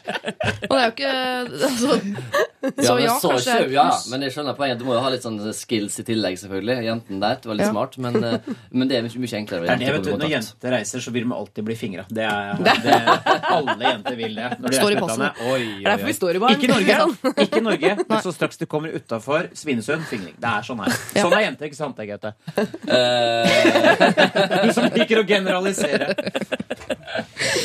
Men ok, eh, la det jo- jentene ligge, Ja. eh, bokstavelig talt. Um, men her er det altså da to gutter som Han er ikke slem, kompisen er ikke slem. De bare kjeder seg. Har vært Ja. ute i to måneder, kjeder seg i hjel, og det er fire igjen. Det er dobbelt så lenge igjen. de må finne på noe hver for seg. De må det. Han må bare dra, ta, være med på et sånt dykkekurs, bare han. Ja. Eller sammen med andre. Dra på elefantridning alene, sammen med andre backpackere. Ja, Det må være lov, og ikke bare det. Jeg tenker også at Når han er sammen med en kompis, så han må jo snakke med andre folk òg. Ja, for jeg finner ut at det er mye de to. Han må jo møte Ja. andre og, og innlemme andre. Men det, det er jo nødløsning. Hvis man kjeder seg sammen med noen, så kan man dra inn en tredjepart, og så kan samtalen gå lettere. Ja, for Hvis man er syv stykker, så kan den ene godt være kjedelig. Det er egentlig bare et pluss. Ja, Ja. ikke sant? Og det, Er det noe han ja. kan gjøre? Kan han, si, kan han snakke med han, liksom? Er det, er det mulig å riste livet i denne utrolig trøtte fyren? Ja, det er han spør han, Kan jeg endre han? Ja. Nei, Vet du hva? Jeg, jeg, det er, jeg har vært borti tilsvarende venninner, eh, og, og som torpederer enhver sosial sammenheng. Eh, og det er ikke så mye å gjøre med det, altså. Fordi det, du, det går ikke inn hos noen. Um, Ja, men Hvis man er kjedelig, så kan man ikke få beskjed om sånn Du er ganske døv, kan du bli litt kulere? Og det er ikke en knapp å trykke på, og så sitter du med et arsenal av jokes. men man kan jo si funny- 'unnskyld meg, men du, er, du stiller meg aldri et spørsmål'. Er du ikke interessert i noe av hva som skjer oppi hodet mitt? Nei, man er ikke det, vet du. Ja, er ikke- Ja, men Det må jeg lov å være så kjedelig, men det er jo lov å slå opp med han, da. Ja. Det er faktisk lov å slå opp med kompiser. Ja. Det er fullt mulig. Jeg har gjort det. ja. Men jeg trenger, trenger kanskje ikke si det så dramatisk heller, tenker jeg. Det er bare sånn Ja, nå stikker jeg dit. Er det greit fordi at du gjør noe annet? Ja, ja, ja. Men jeg tror også han tenker sånn Hvis jeg nå bare stikker La oss si han er på Kopanjang og Ja. sier nå stikker jeg Hvorfor kommer du bare på thailandske steder? Fordi jeg har vært der. Na, Jeg kunne kunne sagt. Goa, for jeg har vært der òg. Ja. Men la oss si la oss si han sier nå er du, jeg reiser til Kopanjang, du er på Koh Samui, vi ses om en uke. Så tror jeg kanskje han er god nok kompis til å tenke sånn Han er jo så asosial og kjedelig at vil han klare å overleve uten meg? Ja, det Jeg tror faktisk han, jeg tror han tenker det også om kameraten sin. Hvis jeg lar han i stikken. Så lojal er han selv mot en kjedelig kompis, og det skal han ha. Men hei! Hva med å sende han kjedelige kompisen bort til hun dama som står aleine i baren, som vi allerede uh, har på en måte skissert at fins? For hvis han finner kjærligheten underveis her, hvem er det som kommer til å stikke kameraten ikke- sin i ryggen da? Tror Jo, det er han døve som sier sånn. Ja, ja. Vet du hva, jeg blir med uh, Kajsa ja, til uh, Goa, eneste jeg går på. Tror du han er en fyr som ville stifte kontakt med Stifte kontakt, herregud. Ta kontakt med en vilt fremmed dame. Jeg tror Ja. ikke det. Tror du det? Nei, nei, nei. Jenter elsker kjedelige eh, menn. Ja, vi elsker døve folk. Okay. Skal du henge med til Goa? Nei, jeg vet ikke. Kajsa. Eh, hvis du drar til Australia, da, for eksempel, og så er det jo fullt av sånne surfeskoler. Mm. Og der er det typisk to kompiser, tre venninner, alle sammen møtes i en stor gangbang. Tolv stykker skal drive på med surfing og ligging. ja. Og så holde på ei uke, og så drar de videre. Noen drar da sammen i en større gruppe videre, for de har fått så innmari god kontakt og funnet eh, og sjelevenner, vet du. Ja. Surfing og gangbang. Du, du er så bra. Du er, Geir, Så du, du, verdensvant. sier ja, du er, du er globetrotter. Du bruker gangbang som om det er et vanlig ord.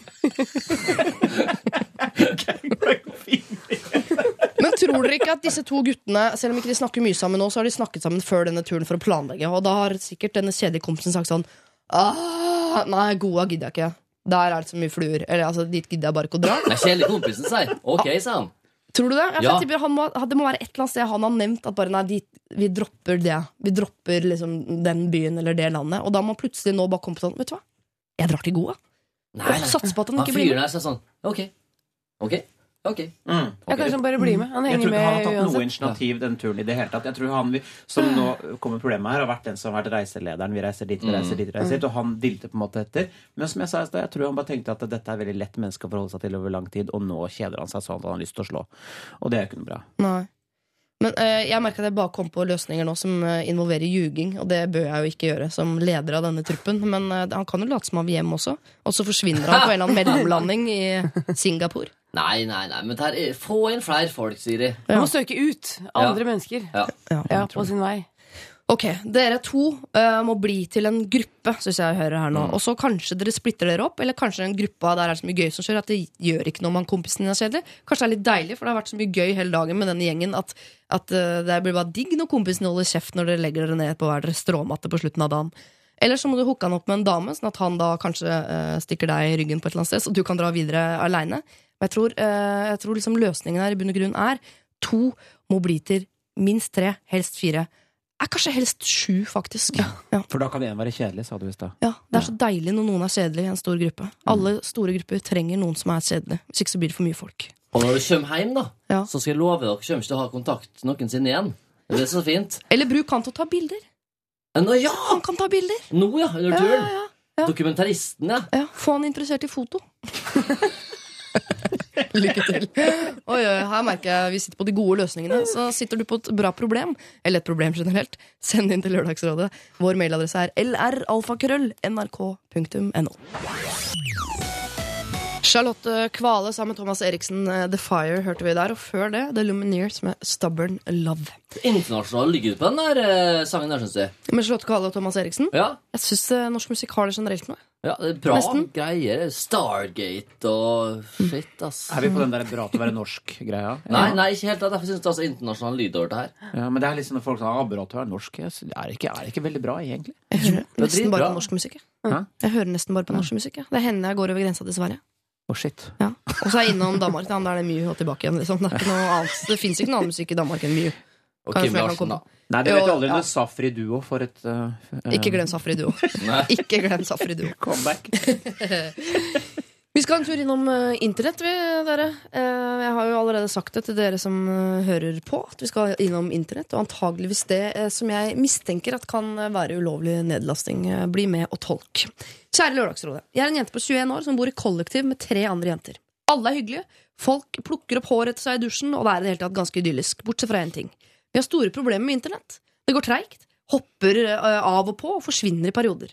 Et problem for eh, nettleverandøren vår, sier dere. Eh, Vel, vi har ringt dem omtrent 15 ganger uten at de finner noe galt. Vi har til og med fått nye ruter uten bedring. Det som syns å hjelpe derimot, er når en av jentene i kollektivet reiser bort. Da blir alltid nettet mye bedre. Og vi vet at hun laster det mye, mens vi andre tre er ganske bevisst på opphavsrettsspørsmål og bruker bare streaming fra lovlige sider. Det er et tydelig mønster i at når nedlasteren kommer hjem og setter seg på nett, reduseres kvaliteten, mens når hun ikke er hjemme, funker det fint. Vi har prøvd å nevne det forsiktig, men det virker ikke som om hun tror at dette kan være grunnen i det hele tatt. Når vi i tillegg har veldig ulike syn på nedlasting, eh, er faren for å virke bedrevitende ganske stor. Så hjelp! Hvordan kan vi ta opp dette på en best mulig måte? Vi har ikke TV, så Netflix og NRK.no er våre eneste kilder til underholdning, og det begynner å bli ganske kjedelig å tilbringe lørdagskvelden med å kikke på loading-symbolet. Hilsen opphavsrett-jente. Altså, Jeg kan ikke nok om eh, internett og striv, altså om Ruters og den slags til å gi sånne, eh, sånne råd, men det virker som om de mistenker at en av jentene i kollektivet holder på med så mye eh, møkk på sin maskin at Ja. alle de andre maskinene går Dette er jo rett. åpenbart. Ja, er det det? Ja, og vet du hva, når hun snakka om dette her nå, så tenkte jeg at det er så eh, Jeg bodde jo kollektiv, dette var på 90-tallet, i forrige århundre. Mm. Hadde vi hatt felles internett, så hadde ikke den linja vært tist. Det hadde vært nedlasting hele tiden. Det er helt åpenbart at dette er problemet, for hvis man laster ned fra f.eks. disse fildelerne og sånne ting, så Mm. har det en, eh, gjør det at nettet stagnerer og hopper og sånne ting. Okay. Problemet er jo Ja, selvfølgelig. Ja, det gjør det. Altså, Ok, så det, er åpenbart. her er det- jo ja. Ja, Nesten det er opplasting og hun, nedlasting. Ja, ja. konstant, altså hun driver hele tiden med fildelingsopplegget, som er en inn- og ut-prosess. At uh, man kan jo da, når man henter ned filer, så kan andre hente filer hos deg, og sånn som gjør at nettet stagnerer. Så selvfølgelig er hun problemet. Problemet er hva de skal Og de har sagt til henne at du laster ned for mye drit som gjør at nettet henger seg. Mm. Um, Hun tror ikke noe på det. Ja, men hør da, jeg har- Jeg har en kjedeløsning først. Ja. Det er å få tak i en sånn internett- eller IT-kar som, er som kan data. Eh, og så får han En IT-kar som kan data, den tror jeg ikke det er mange av. Nei, det er dyre, for å si det sånn. Men hvis jeg finner en sånn kar, da, kanskje til og med en kompis, Ja. så kan han sette opp en liten dings, en liten bra, sånn, et eller annet greier, som gjør at alle får en fjerdedel da, av nettet hver. Går det an? Ja, lag en bruker for hver enkelt som får tilgang til nettet. Du får en fjerdedel av kapasiteten. Vær så god, bruk ja. det som du vil. Det går an. Er det mulig? Ja, kan du, kan, Hvis du har gjester i huset ditt, da, så kan du lage egen gjestebruker på det nettet som ikke har bruker på hele nettet ditt når han kommer på nattbesøk. For eksempel. Akkurat. Vet du, du er en mann med så mye kunnskaper om ting. Ikke jeg. jeg visste ikke om dette. Nei, gjorde ikke. Nei, sant? Jeg kan heller ikke sette opp, men jeg kjenner noen som kan gjøre det for meg.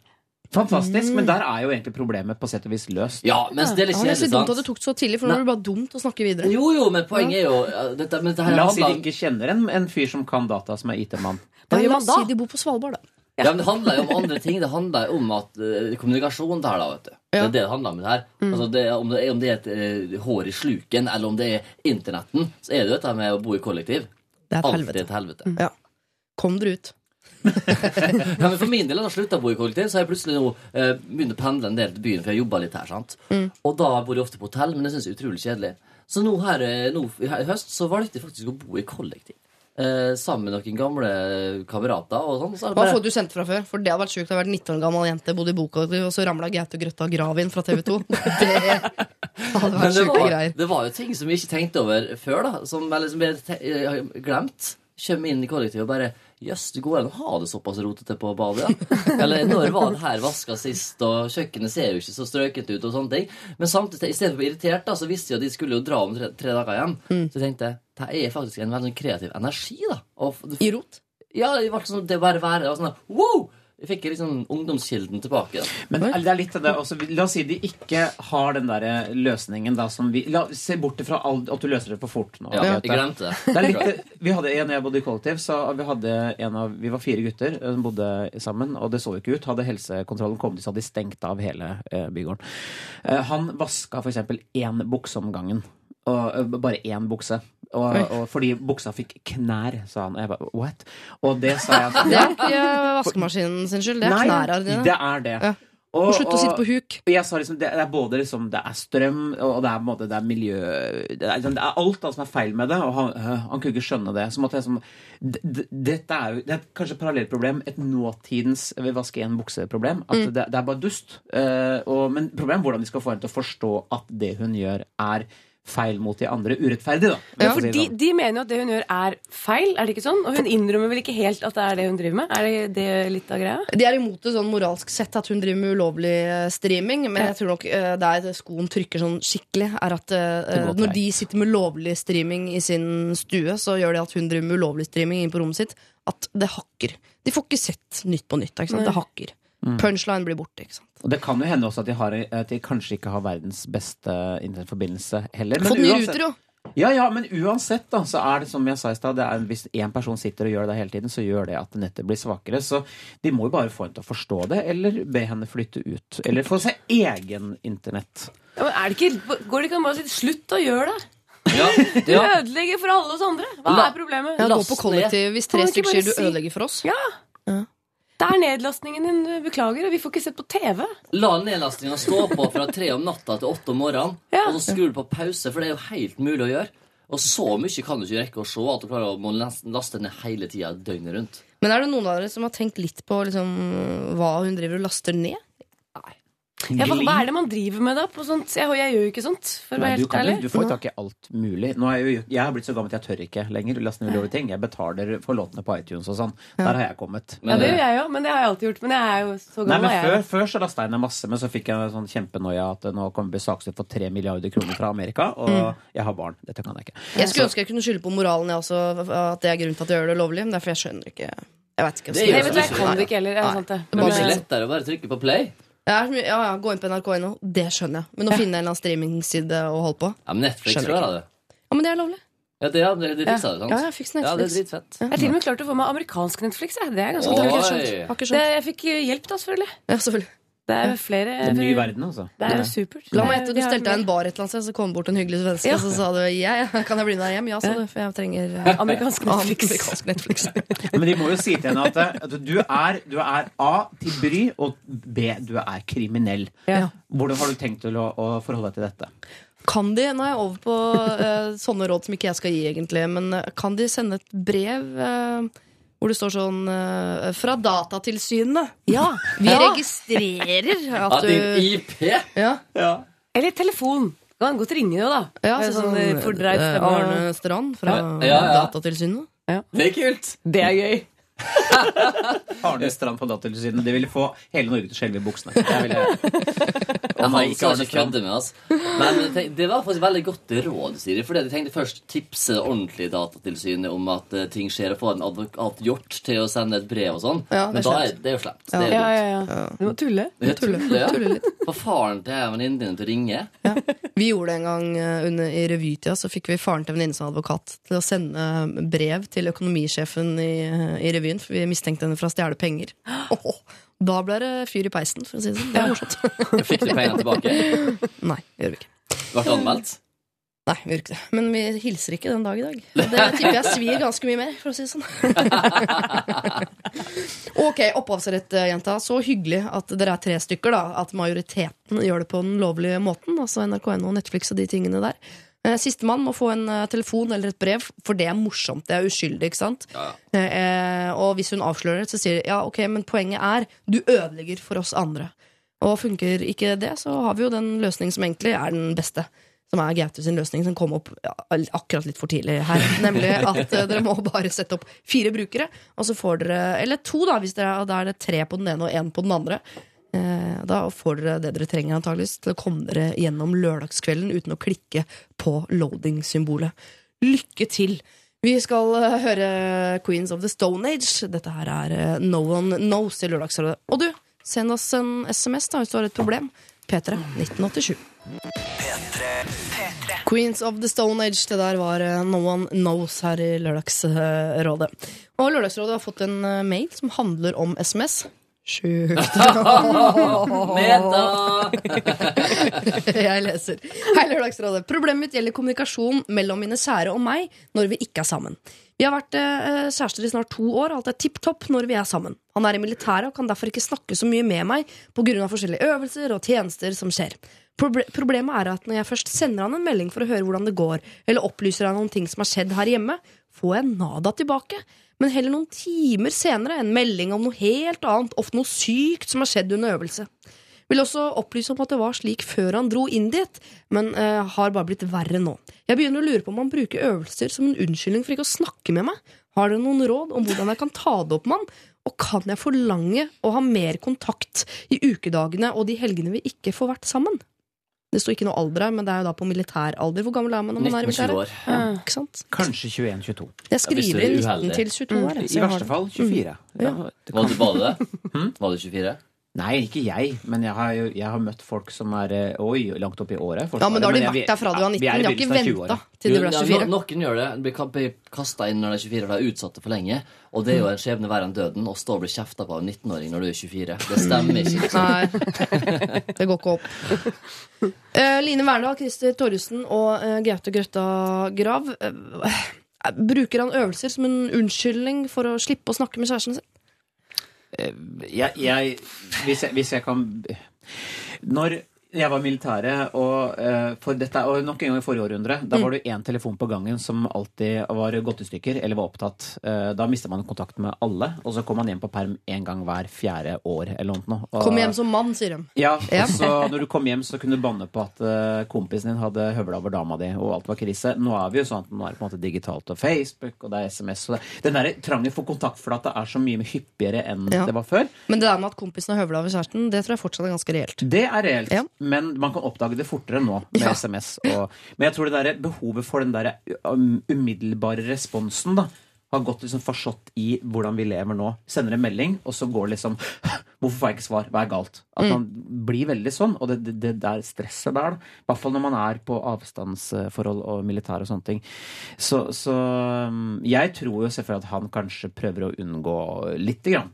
Kanskje det. Men hvordan er det når man er i militæret? Er man liksom bobla og egentlig bare lyst til å være der? liksom? Eller eh, Ja, man er kanskje litt sånn der ut Hvis man er veldig mye på øvelse, og sånne ting, så er man veldig oppe i det. Men og så har man ikke lov til å bruke mobilen alltid. Det har man heller ikke. Hvis man er på øvelser og sånne ting. Hel hvis man, det, du kan ikke ha med en mobil. Det er jo en ny helvetesuke, har jeg hørt. At man ikke får ha mobil i en uke. Det er det som er helvetesuka nå. Det kan være sånn, og det kan være en av grunnene. Men jeg tror også det ligger noe mer bak her. Jeg tror han er litt sånn at han liksom Jeg, jeg gidder ikke svare på det, men jeg sender heller Veit du hva, i dag så gikk det av tre rødfiser i teltet, og det var helt krise, og du verden vi Men han var sånn før han dro i militæret også, så dette er ikke et militært problem. Kanskje, kanskje eh, Vi vet jo ikke hva slags eh, SMS-er hun sender. da Kanskje de er Jo. drita kjedelige? Ja, jeg vet akkurat hva SMS å sende. Og så er han sånn Du, veit du hva hun, eh, Sigrid sa til meg i dag? Eller hun bare sa at fy faen, han Gunnar er teit.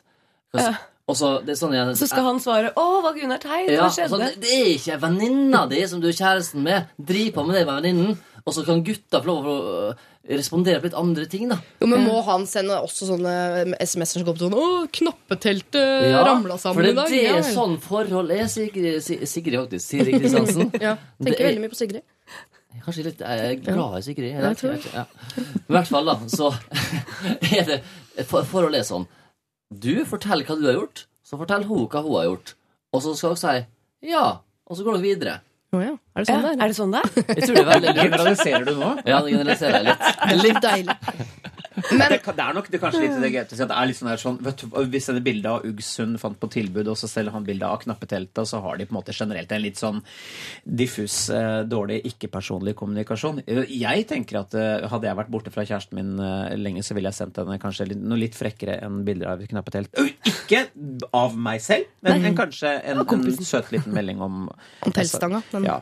Eh, Ja, men, så men du, du kan ikke drive sånn savner deg savner, du, du, må, du må bare prøve å holde en sånn lett tone, da. Ja. Og la det gå sånn, ja, la bla. Han, han der kan godt skrive sånn, å ja, det var kjipt. Eller, det var gøy. Også, men har du hørt hva som skjedde for meg? Bla, bla, bla, bla. Men jeg jeg, jeg, har, jeg har sånne avstandsforhold i mitt liv eh, hvor, jeg, hvor jeg fant ut at vi må bare ikke ringe hverandre. For det, man blir så inni helvetes kjedelig. Ja, Man blir skuffa. Ja, hva gjør du i dag, da? Nei, jeg skal høre her, da. Så er, skjer det jo ikke så innmari mye. Så merket jeg satt på telefonen bare Å, gode gud, kan jeg legge på nå, liksom? Ja. Jeg, jeg var glad i ham for det, men Ja, det, men det blir jo så dritkjedelig. Ja, alt- Det blir alltid slutt. Men det varte ganske lenge. Ja, men helt det, det, det å si om at Kan det kreve at du snakker mer med han? Nei, drit i det. Hold kontakt på SMS og snakk i ny og ne. Ja, det blir glede. kjedelig. Ja. Ja, for jeg tenker Hvis vi kan gå tilbake til det der med at det henger én telefon på gangen Ja. aktiv, fordi det er noe med at ja, avstandsforhold er vanskelig, og sånn men kanskje det er litt sunt med den avstanden. Han er i militæret, du er hjemme, og dere trenger ikke å snakkes hele tiden. Han er, Bare se på hverandre som dere er borte fra hverandre, og det der med hva som har skjedd i eh, syke ting på øvelse, og de tingene du oppdaterer og sånn, spar det, da! Dere ses jo antageligvis om en måned eller et eller annet. Da har dere masse å snakke om det. Den der daglige SMS-inga. Det gjør jo bare vondt verre. Man blir skuffa over hvor uh, kjedelig man er, Ja. og så, blir man, så lengter man mer fordi man har en liten kontakt med ikke helt og sånn. Jeg tror man skal bare kutte det til et minimum. Ja, ja, fordi Kan det være at han også opplever SMS-ene som litt sånn slitsomme? Ja. At hun kanskje sender for mange? Det er jo livsfarlig for henne hvis hun vil være sammen med han. Ja, ikke sant? Også det kanskje Intensjonen hennes er jo bare å si 'hei, jeg fins og jeg er glad i deg', men kanskje han oppfatter litt sånn 'å, det er litt sånn Jeg veit det, tenker Ja. Ja. Og så holder han på med sitt øvelse militærknappe teltstang-ting. Ja. Og så har han kanskje ikke med seg mobilen alltid. Men jeg tror kanskje han kunne gjort en litt bedre innsats på den fronten. Og kanskje ha én melding om dagen som Ja, har noe med kveld. følelser å Ja. gjøre. Man kan skrive- man kan ikke få en sånn- er sånn fast på, jeg sender alltid melding til lokføreren. Når jeg legger meg hvis han er på nattevakt. Eller, Jeg eh, gjør så det. Det sånn, synes jeg er veldig God natt, da! Og så finner jeg på et eller annet noe sånn hyggelig. Ja. Jeg kaller han forskjellige dyrenavn. da Natta, ørnen min, eller Å, såpass, falken. ja. Eller, og hvis han, noen ganger er han spurv, men da, da Han er aldri sant? pus, håper jeg. I- Aldri pus. Eh, og det er veldig koselig. Han vet at han får den natta-meldingen. Da får jeg alltid tilbake sånn Ja, natta min duo. Ikke sant? Jeg er sånn jentefugler, og han er guttefugler. Ja, ja, litt, litt mugg, litt fult, men all right. Kvirrevirrvitt. Eh, men jeg tenker at noe sånt kan det gjøre. Men det at han er jo militær, og eh, for- meg så virker det som om militæret er noe sjuke greier. For gutter snakker jo om det langt opp i 40-åra, hvor utrolig kult det var i militæret. Og da tenker jeg, La han holde på! Han er i en boble nå, en sfære. Han holder, det er masse som skjer, og du sitter hjemme og sender noen dagligdagse sånn Ja, nettopp det der med Sigrid syns at uh, Hva het han gutten igjen? som Husker om? ikke, Nei, du husker bare Sigrid. ikke sant? teit, Mm, ja. Men dette er også en alder hvor det handler mye om bekreftelse også, ikke sant? Få en bekreftelse på liksom, jeg eksisterer, jeg er kjæresten og sånne ting. Jeg og hun jeg er gift med, ikke en lokfører, eh, riktignok. men, Synd for. Eh, Synd for meg. Men vi har en sånn greie på at Vi jeg sender jo alltid en melding og sier natta hvis jeg er ute på jobb, for eksempel. Hvis vi Ja. ikke ringes, så er det alltid en melding. Og det, er, det skal det være. Jeg føler meg ikke, jeg føler meg ikke engang forplikta. Men det, det er rart for meg å ikke sende en melding eller svare på en melding som hun sender til meg, eller hvem som er først. Det er, det er veldig lite komplisert egentlig å si at jeg savner deg, sov godt. Snakkes i morgen. Ja, det burde man bare gjøre. Mm. Kan nesten legge en sånn Det gikk bra i dag. Ikke sant? Nettopp. Det kan jo være han også har eh, telefonangst. Det er det veldig mange Jeg er ytterst ukomfortabel med å snakke i telefonen. Jeg tar aldri telefonen når den ringer. Jeg sier bare unnskyld nå, jeg, eh, mamma, venninner og alle. Jeg Unnskyld at jeg aldri tar telefonen. Og så sender jeg en SMS etterpå. Lange meldinger, skriver jeg. Lange meldinger etterpå. Ikke om syke ting som har skjedd på øvelse, hvert år at jeg skal liksom bli litt flinkere til å ta telefonen, men jeg får det ikke til. nei, får det ikke til. Nei, men Det er et eller annet så veldig rart. Men jeg liker å se folk når jeg snakker med deg. Enig. Og det er helt tipp topp. Men den der telefongreia sånn ikke, Det er ikke sånn Hva vil han nå? Det er ikke, men det er bare sånn Nå driver han med noe annet. Det skal ikke komme inn en telefon her. Nei. Nei. Nei. Ikke. Nei. Så kjenner seg ikke igjen i det hele tatt. Nei, snakker mye på jeg, telefon. jeg, liker, jeg, jeg liker jo å prate. Ja. Eh, Jeg liker SMS også. Ja. og mail. Ja. Jeg, jeg er veldig allsidig fyr. Nei, jeg har ikke noe problem med å ta Du er glad i kommunikasjon, du. Ja, generelt. Ja. Ok, Det trenger ikke å være kommunikasjon hele tiden, kjære deg. Han er i militæret, la han være i bobla si litt. Grann, eh, fordi det som kan skje her, nemlig på sikt, er at det oppfattes som mas hvis du hele tiden sender meldinger. At han da, og da går han inn i en sånn nektefase. Da blir det mindre og mindre. Og så sender du mer og mer.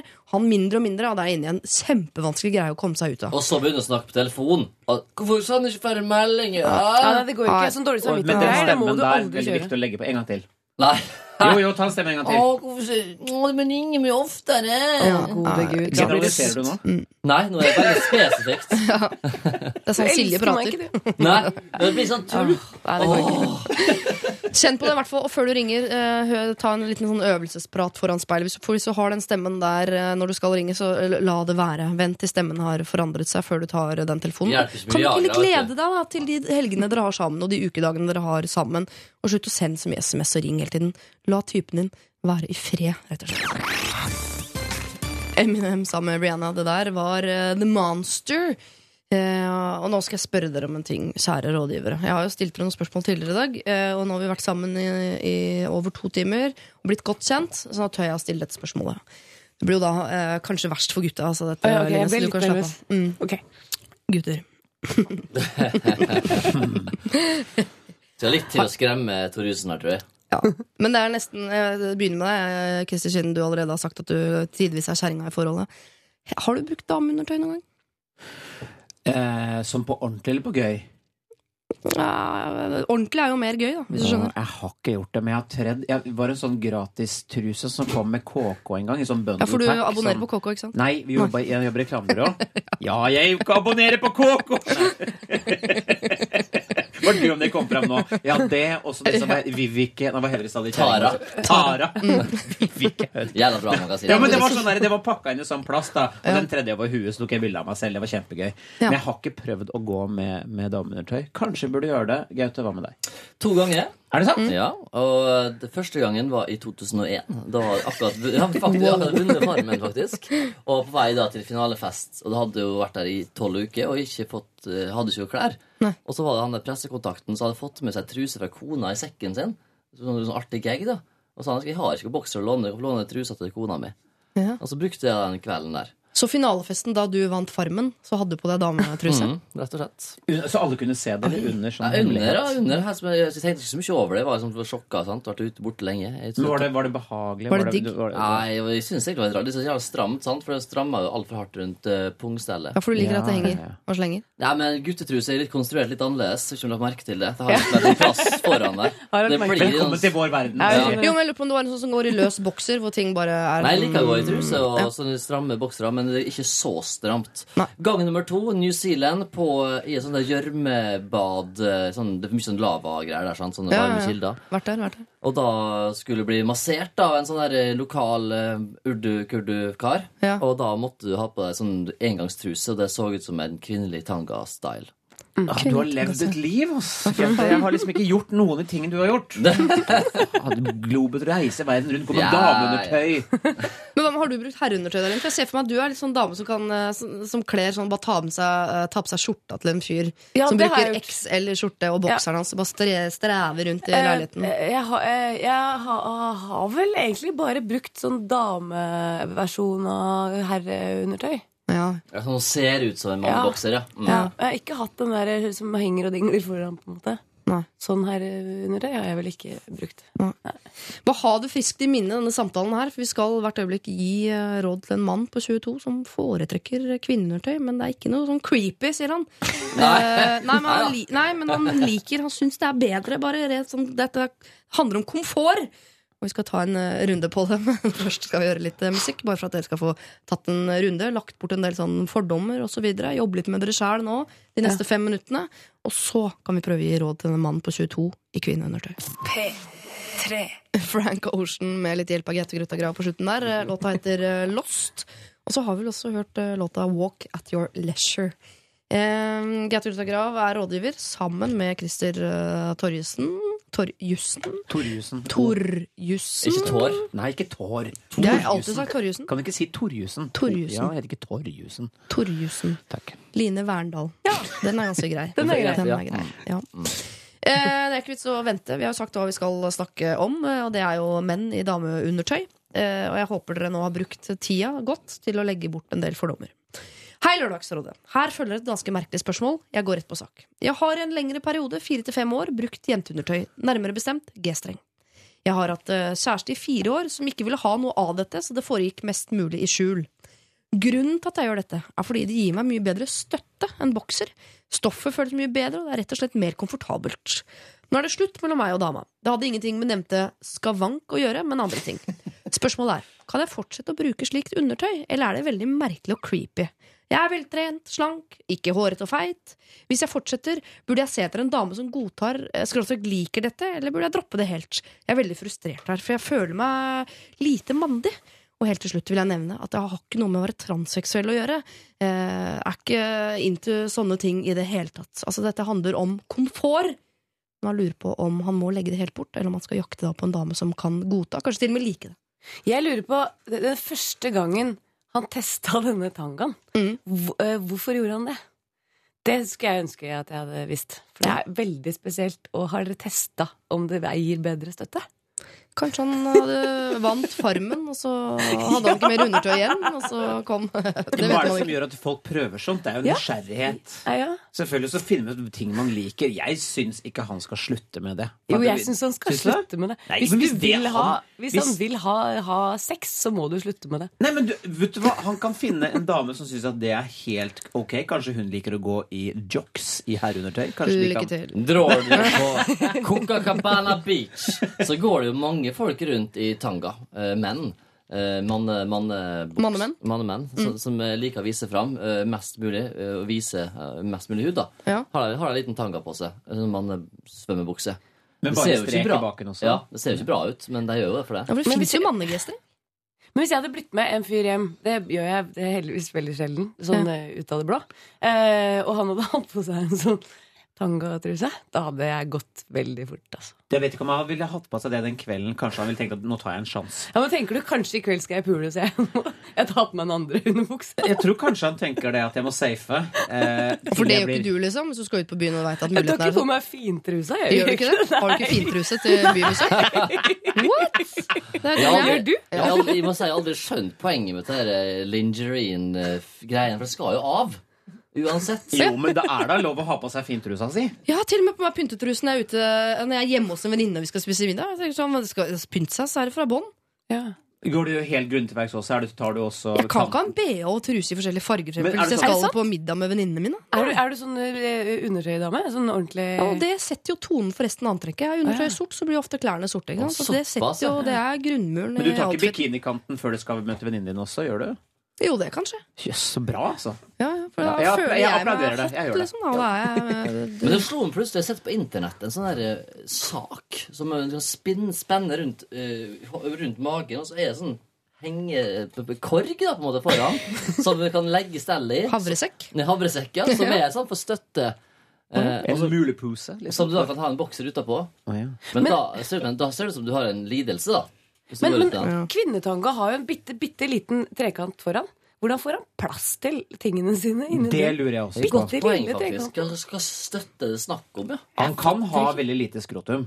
Han kan ha, Veldig ganske, han kan ha begrensa utstyr også. Men da tenker vi forskjellig, for jeg har tenkt at han har såpass mye at han syns det er deilig at det sentreres og holdes på plass. Ja, men det det er er så tungt lite, foran. som du sier. Det er jo Er det en bitte liten trekant? Er det ikke det? Er det ikke veldig mange forskjellige Jeg bruker ikke Altså, tror jeg, selv, men Det fins jo G-streng for oss med bollemus òg, ikke sant? Det er ikke Kanskje han har, ja, han har kjøpt sloggy-versjonen av tanga. Tanga Ja, sloggy. Som Sloggy tanga. sånn Så det er mye plass til mye moro i. ja. Ja.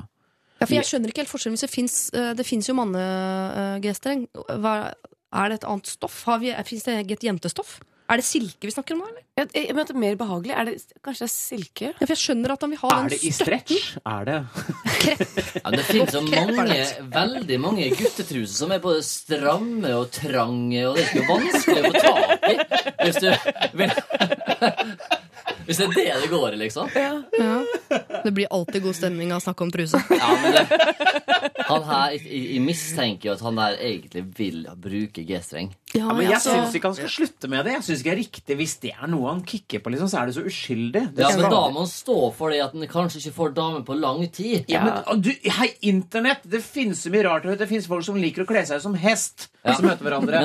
Latekshest. De går så knegg, knegg med klover og greier. Og de møter hverandre på internett, og det fins likesinnede. Ja. Ja. kanskje i din nærkommune. Og Og det må, jo, det. må jo finnes noen som syns det er ok med en mann i dametanga her i Bare her i Oslo. Jeg er sikker på at det finnes i hvert fall 300. Eller ok, 25, da.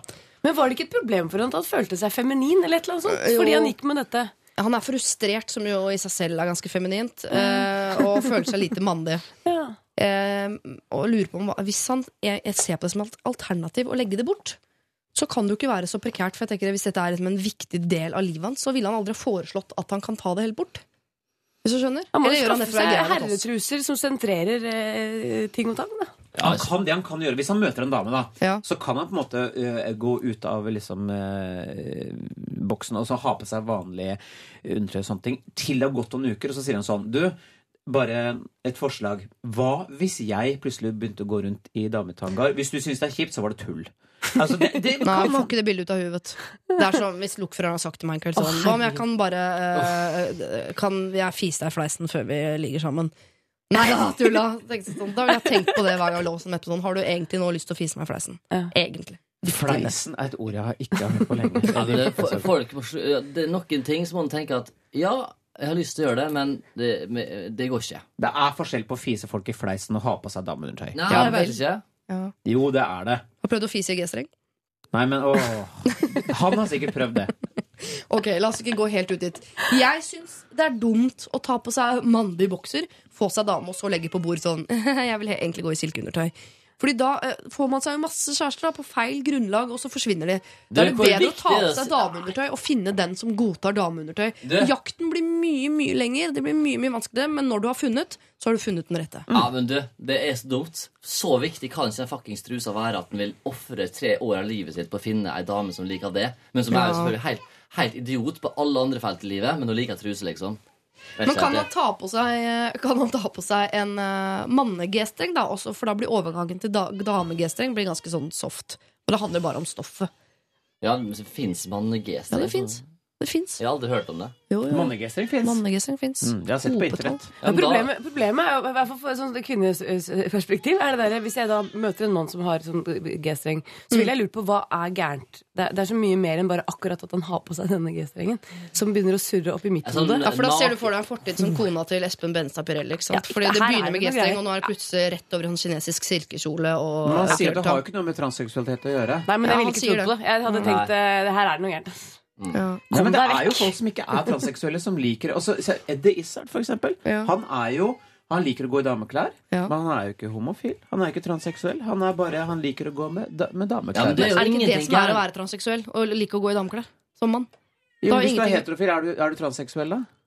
Ja, ja, ja. Herregud, vet du hva, nå virker Ja, ikke men du, altså, det, er, det det, det. det er jo ikke gærent i å være det. Altså, Nei. hvis han er det, så helt topp, det. Ja. Men det er ikke det vi snakker om nå. Nå snakker vi om Hvis det ikke er så viktig for han å gå med en truse, eller hvor viktig er det? Det, skjønner- det gjør det mindre vanskelig for han i livet hvis han dropper det. Det er det det handler om. Ok, Da sier vi at løsningen her blir mann 22.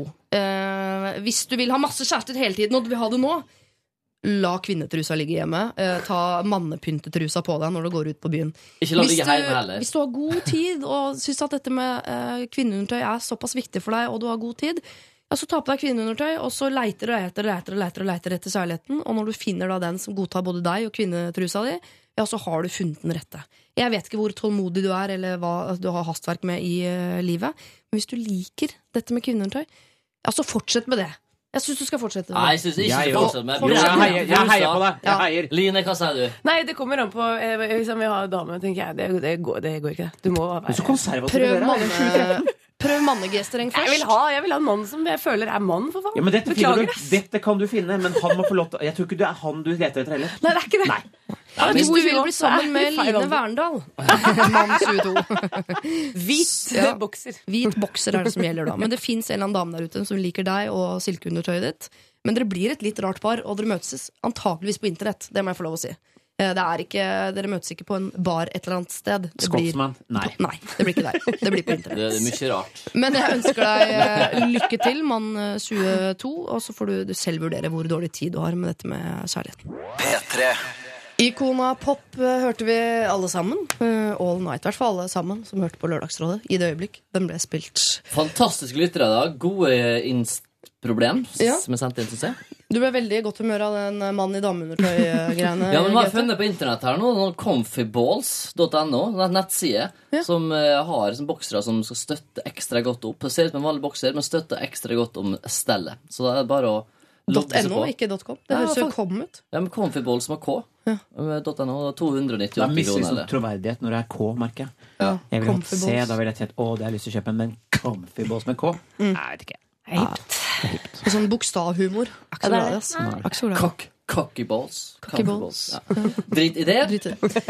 Vi skal, det er vanskelig å gå videre, jeg skjønner det, folkens, men vi må det nå. For det er eh, en som heter Pia, eh, som har et eh, problem som kan være litt vondt, i hvert fall nå før jul. Kjære Lørdagsrådet. Hva gir man i julegave til hans kjæreste man har vært sammen med i nesten fem måneder, og som man vet at man skal gjøre det slutt med rett etter jul? Det er, det er ikke lov å le. Nei, Det er ikke aktuelt å gjøre det slutt før jul. Vi er begge midt i eksamenslesning og reiser hvert til vårt hjemsted om bare noen få dager. Vi skal ikke feire jul sammen, altså. På forhånd takk for gode råd. Hilsen Pia.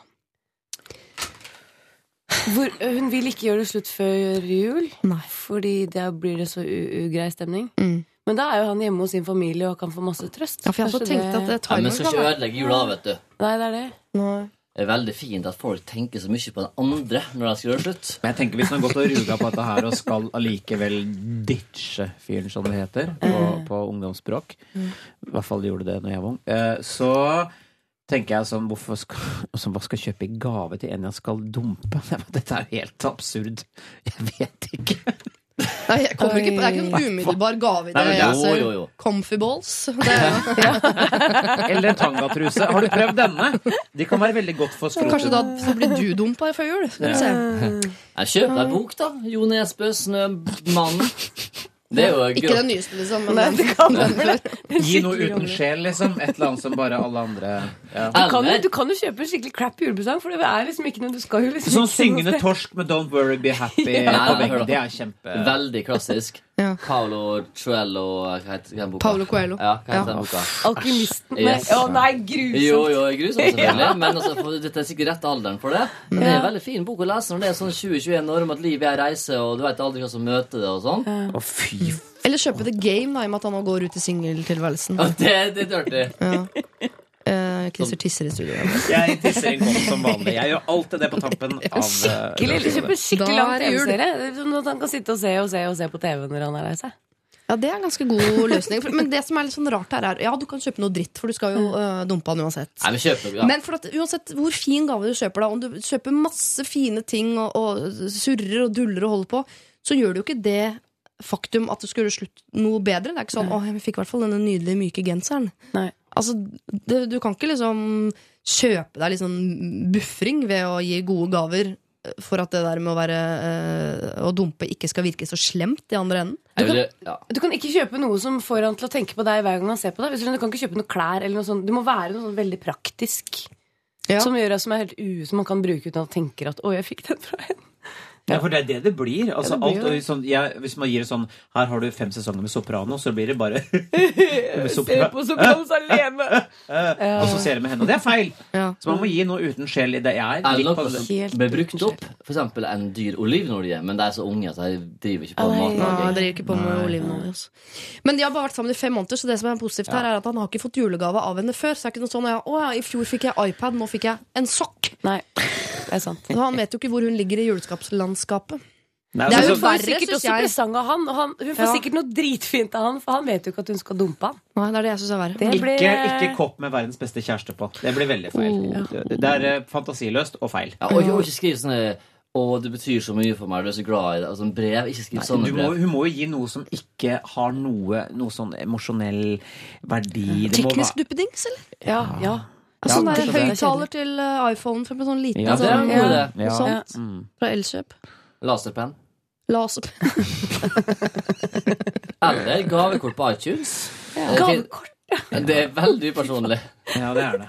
Eller går det an å tenke i den rekken at hun kjøper en sånn eh, overnattingstur for to med med Kiel-ferja, for eksempel, og så dumper hun sånn Men da kan jo du og Cato dra til Kiel, ikke sant? Og Så får dere litt sånn guttetid sammen, og det blir jo gøy for dere, da.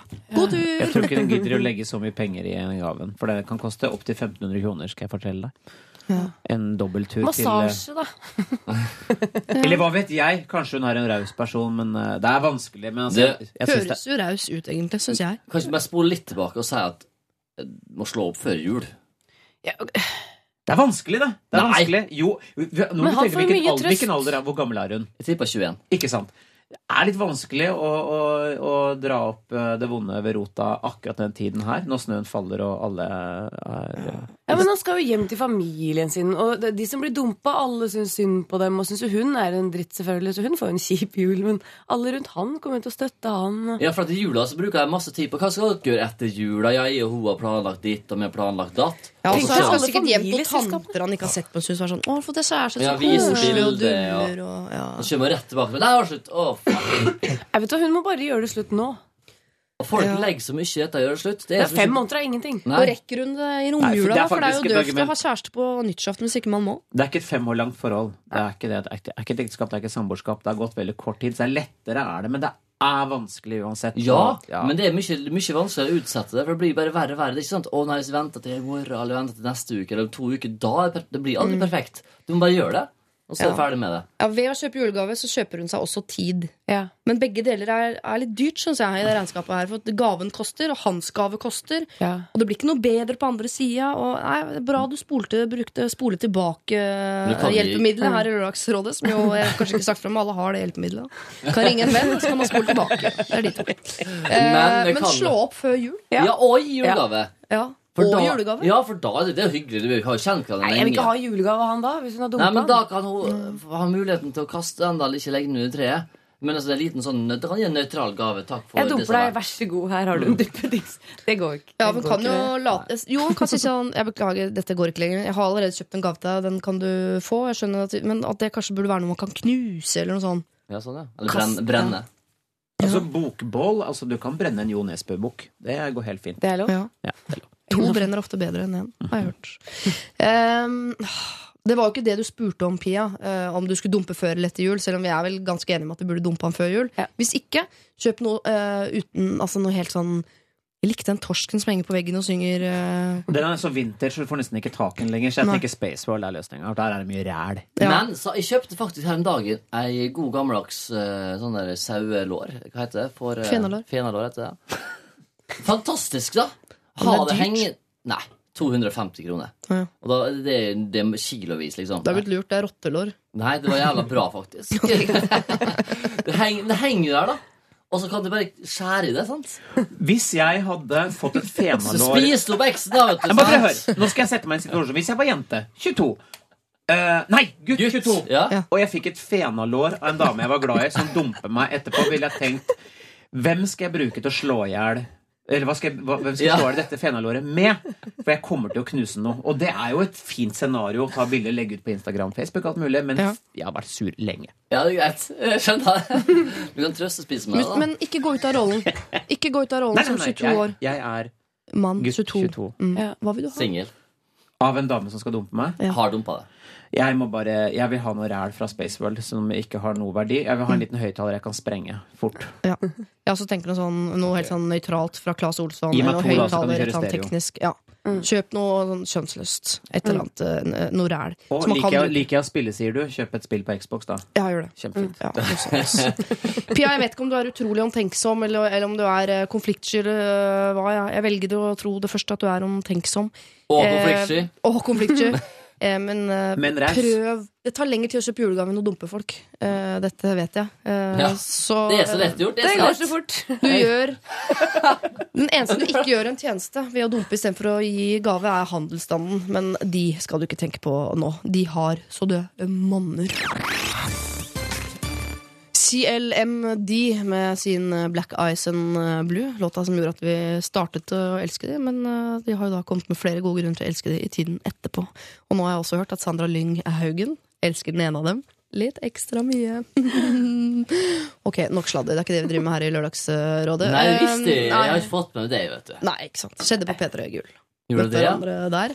Men Sandra er jo veldig hyggelig jente, så jeg skjønner godt at han eh, vært likte henne. Hun er så søt, ass. Og så er hun i ferd med å bli, få litt kred. Ja, Det det, ja. hun, hun har jobba hardt for det. Hun har jobba hardt, ja. Og den siste singelen hennes er faktisk veldig kul. Videoen, ikke minst. Ok, nok om Sandra Lyng Haugen. uh, vi snakket nettopp om dette med å- en jente som ville dumpe kjæresten sin, eller vente til etter jul og lurte på hva hun skulle kjøpe julegave. Alle husker det. Line, Christer og Gaute. Vi har fått inn uh, to SMS, eller flere, da, eh, med eh, noen ekstra råd her. Jeg vil bare lese to stykker som jeg syns er veldig sånn Det er litt artig. Det ene kan gjette hvem som er fra gutt, og hvem som er fra jente. Jeg leser den ene først. Hei, jeg har blitt dumpa like før jul, og det var så fælt. Jula betyr veldig mye for meg. Og pip, ødela alt. Satt og grein hver dag. Ikke slå opp med noen rett før jul. Og den andre er hei. Om du kjøper eh, PS4 til han, er det helt innafor å dumpe over jul. Gjett. Hvilken var fra jente, og hvem var fra gutt? Det var noe sånn stemmen din der, altså. Det var stemmen som avgjorde det. Ja, det var den mørke. Ja, altså Innenfor å dumpe før jul, da. Hvis du kjøper PS4. Ja, Da kan du dumpe over jul. Så lenge han får PS4, så er alt greit. virker det som. Ja. Og så ja, ja, ja. Jeg syns synes bare det er artig med, når man får eh, råd fra to forskjellige leire, som er såpass forskjellige. Og så kan jo eh, du som har problemet, velge hvilket råd du vil høre på, eller bare ta våre.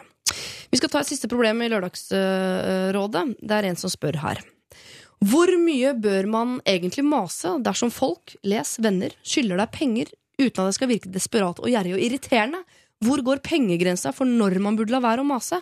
Jeg og flere jeg sender sliter med dette. Med vennlig hilsen en som trenger de 800 kronene nå. Oi. Mm. Ja. Skylder altså en venn skylder deg 800 kroner. Hvor mye kan man mase uten å virke desperat, gjerrig og irriterende? Jeg merker at det ikke er Jeg har ikke noen grense for mas der. Jeg sender SMS med 'Hvor er penga mine, din kuk?' Uh, til nære venner. Ja. Eh, bortsett fra én som er konstant blakk, som jeg har litt tålmodighet med. Men Ja. er det andre som ikke betaler, som jeg veit har kronasjer på bok, så er det ikke noen regler for Da er jeg heller han irriterende kompisen enn å være han som er Unnskyld, kan Ja, for da er de pengene viktigere enn at kanskje du eh, mister den vennen. Du vil heller miste vennen enn pengene. Du mister ikke en venn. For du, det, det er jo et helt reelt lån her. Det er en, du har lånt penger, de skal tilbake. Ja. Altså, da er det han som er kjip kompis som ikke betaler tilbake. Det kommer an på eh, summen her, da. eh, 800.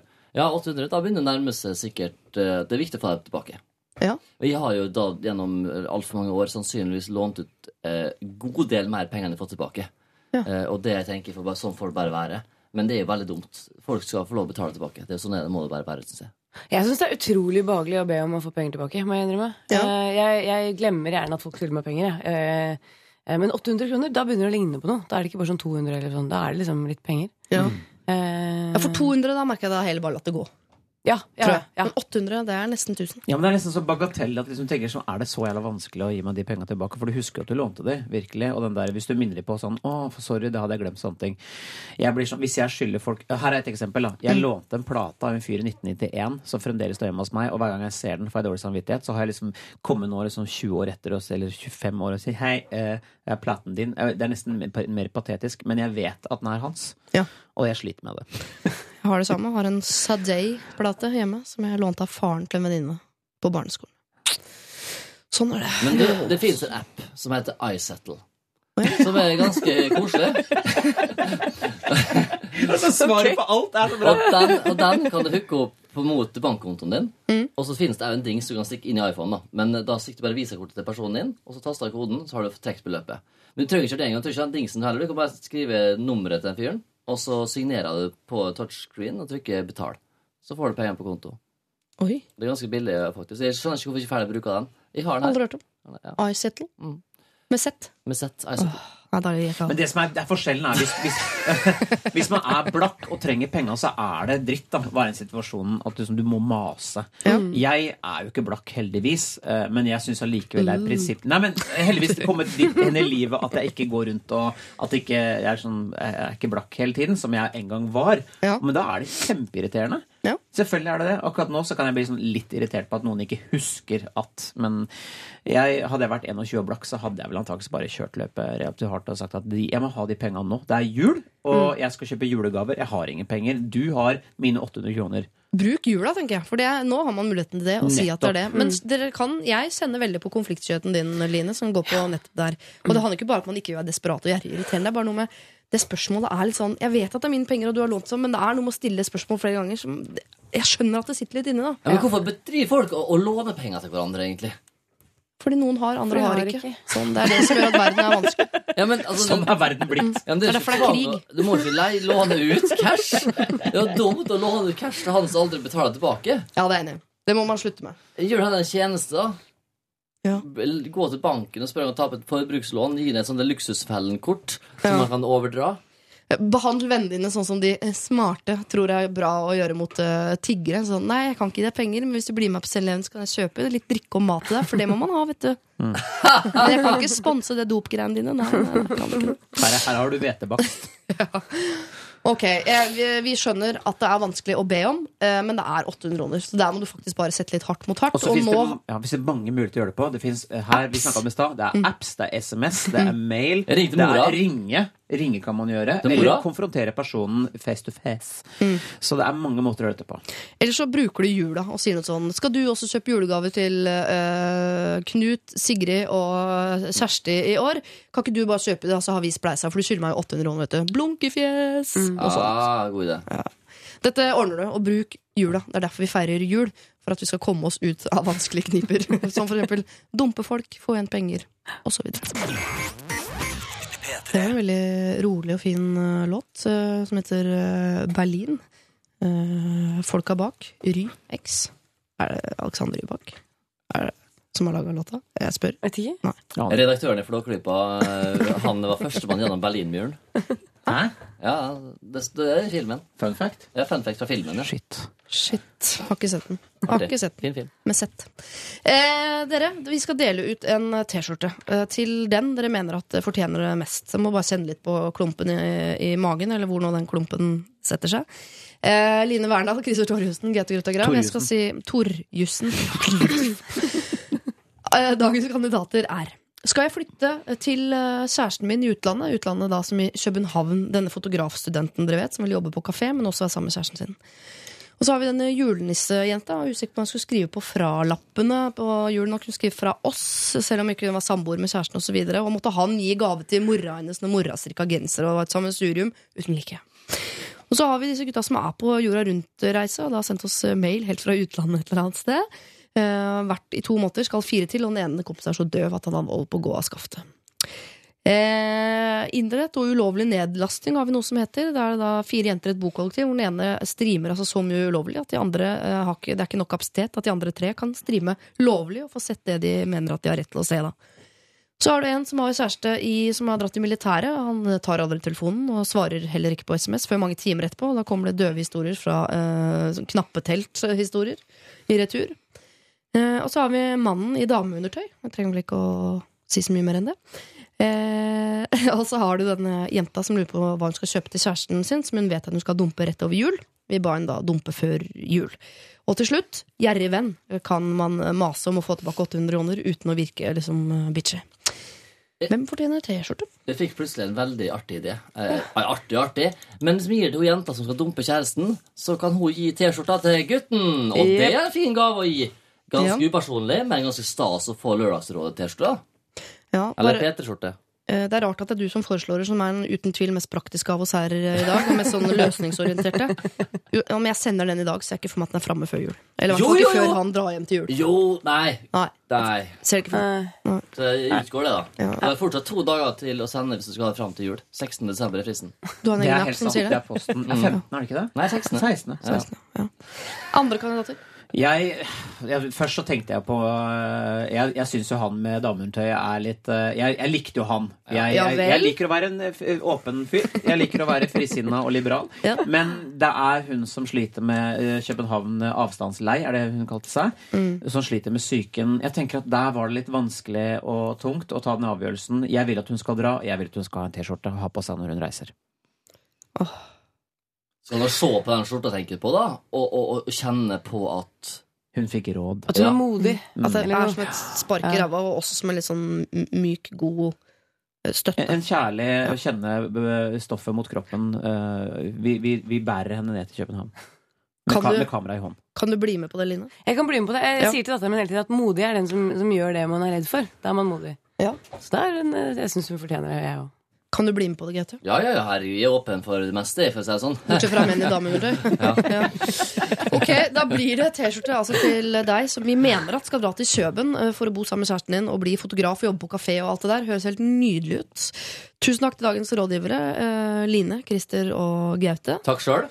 Eh, Hvis ikke du som hører på har fått nok, så kan du høre det igjen eh, som podkast, selvfølgelig. Eh, Det ligger ute om et kvarters eh, tid. Og gå inn og se på bildet av oss på Facebook. Da. Vi har hatt det utrolig hyggelig, og det syns jeg at syns på dette bildet. Tusen takk til produsent og tekniker eh, Rolf, som har vært med oss i dag. Og eh, jeg sier det nå, jeg. God jul. Vi er tilbake om en uke. Hey! God jul! Hør flere podkaster på nrk.no podkast.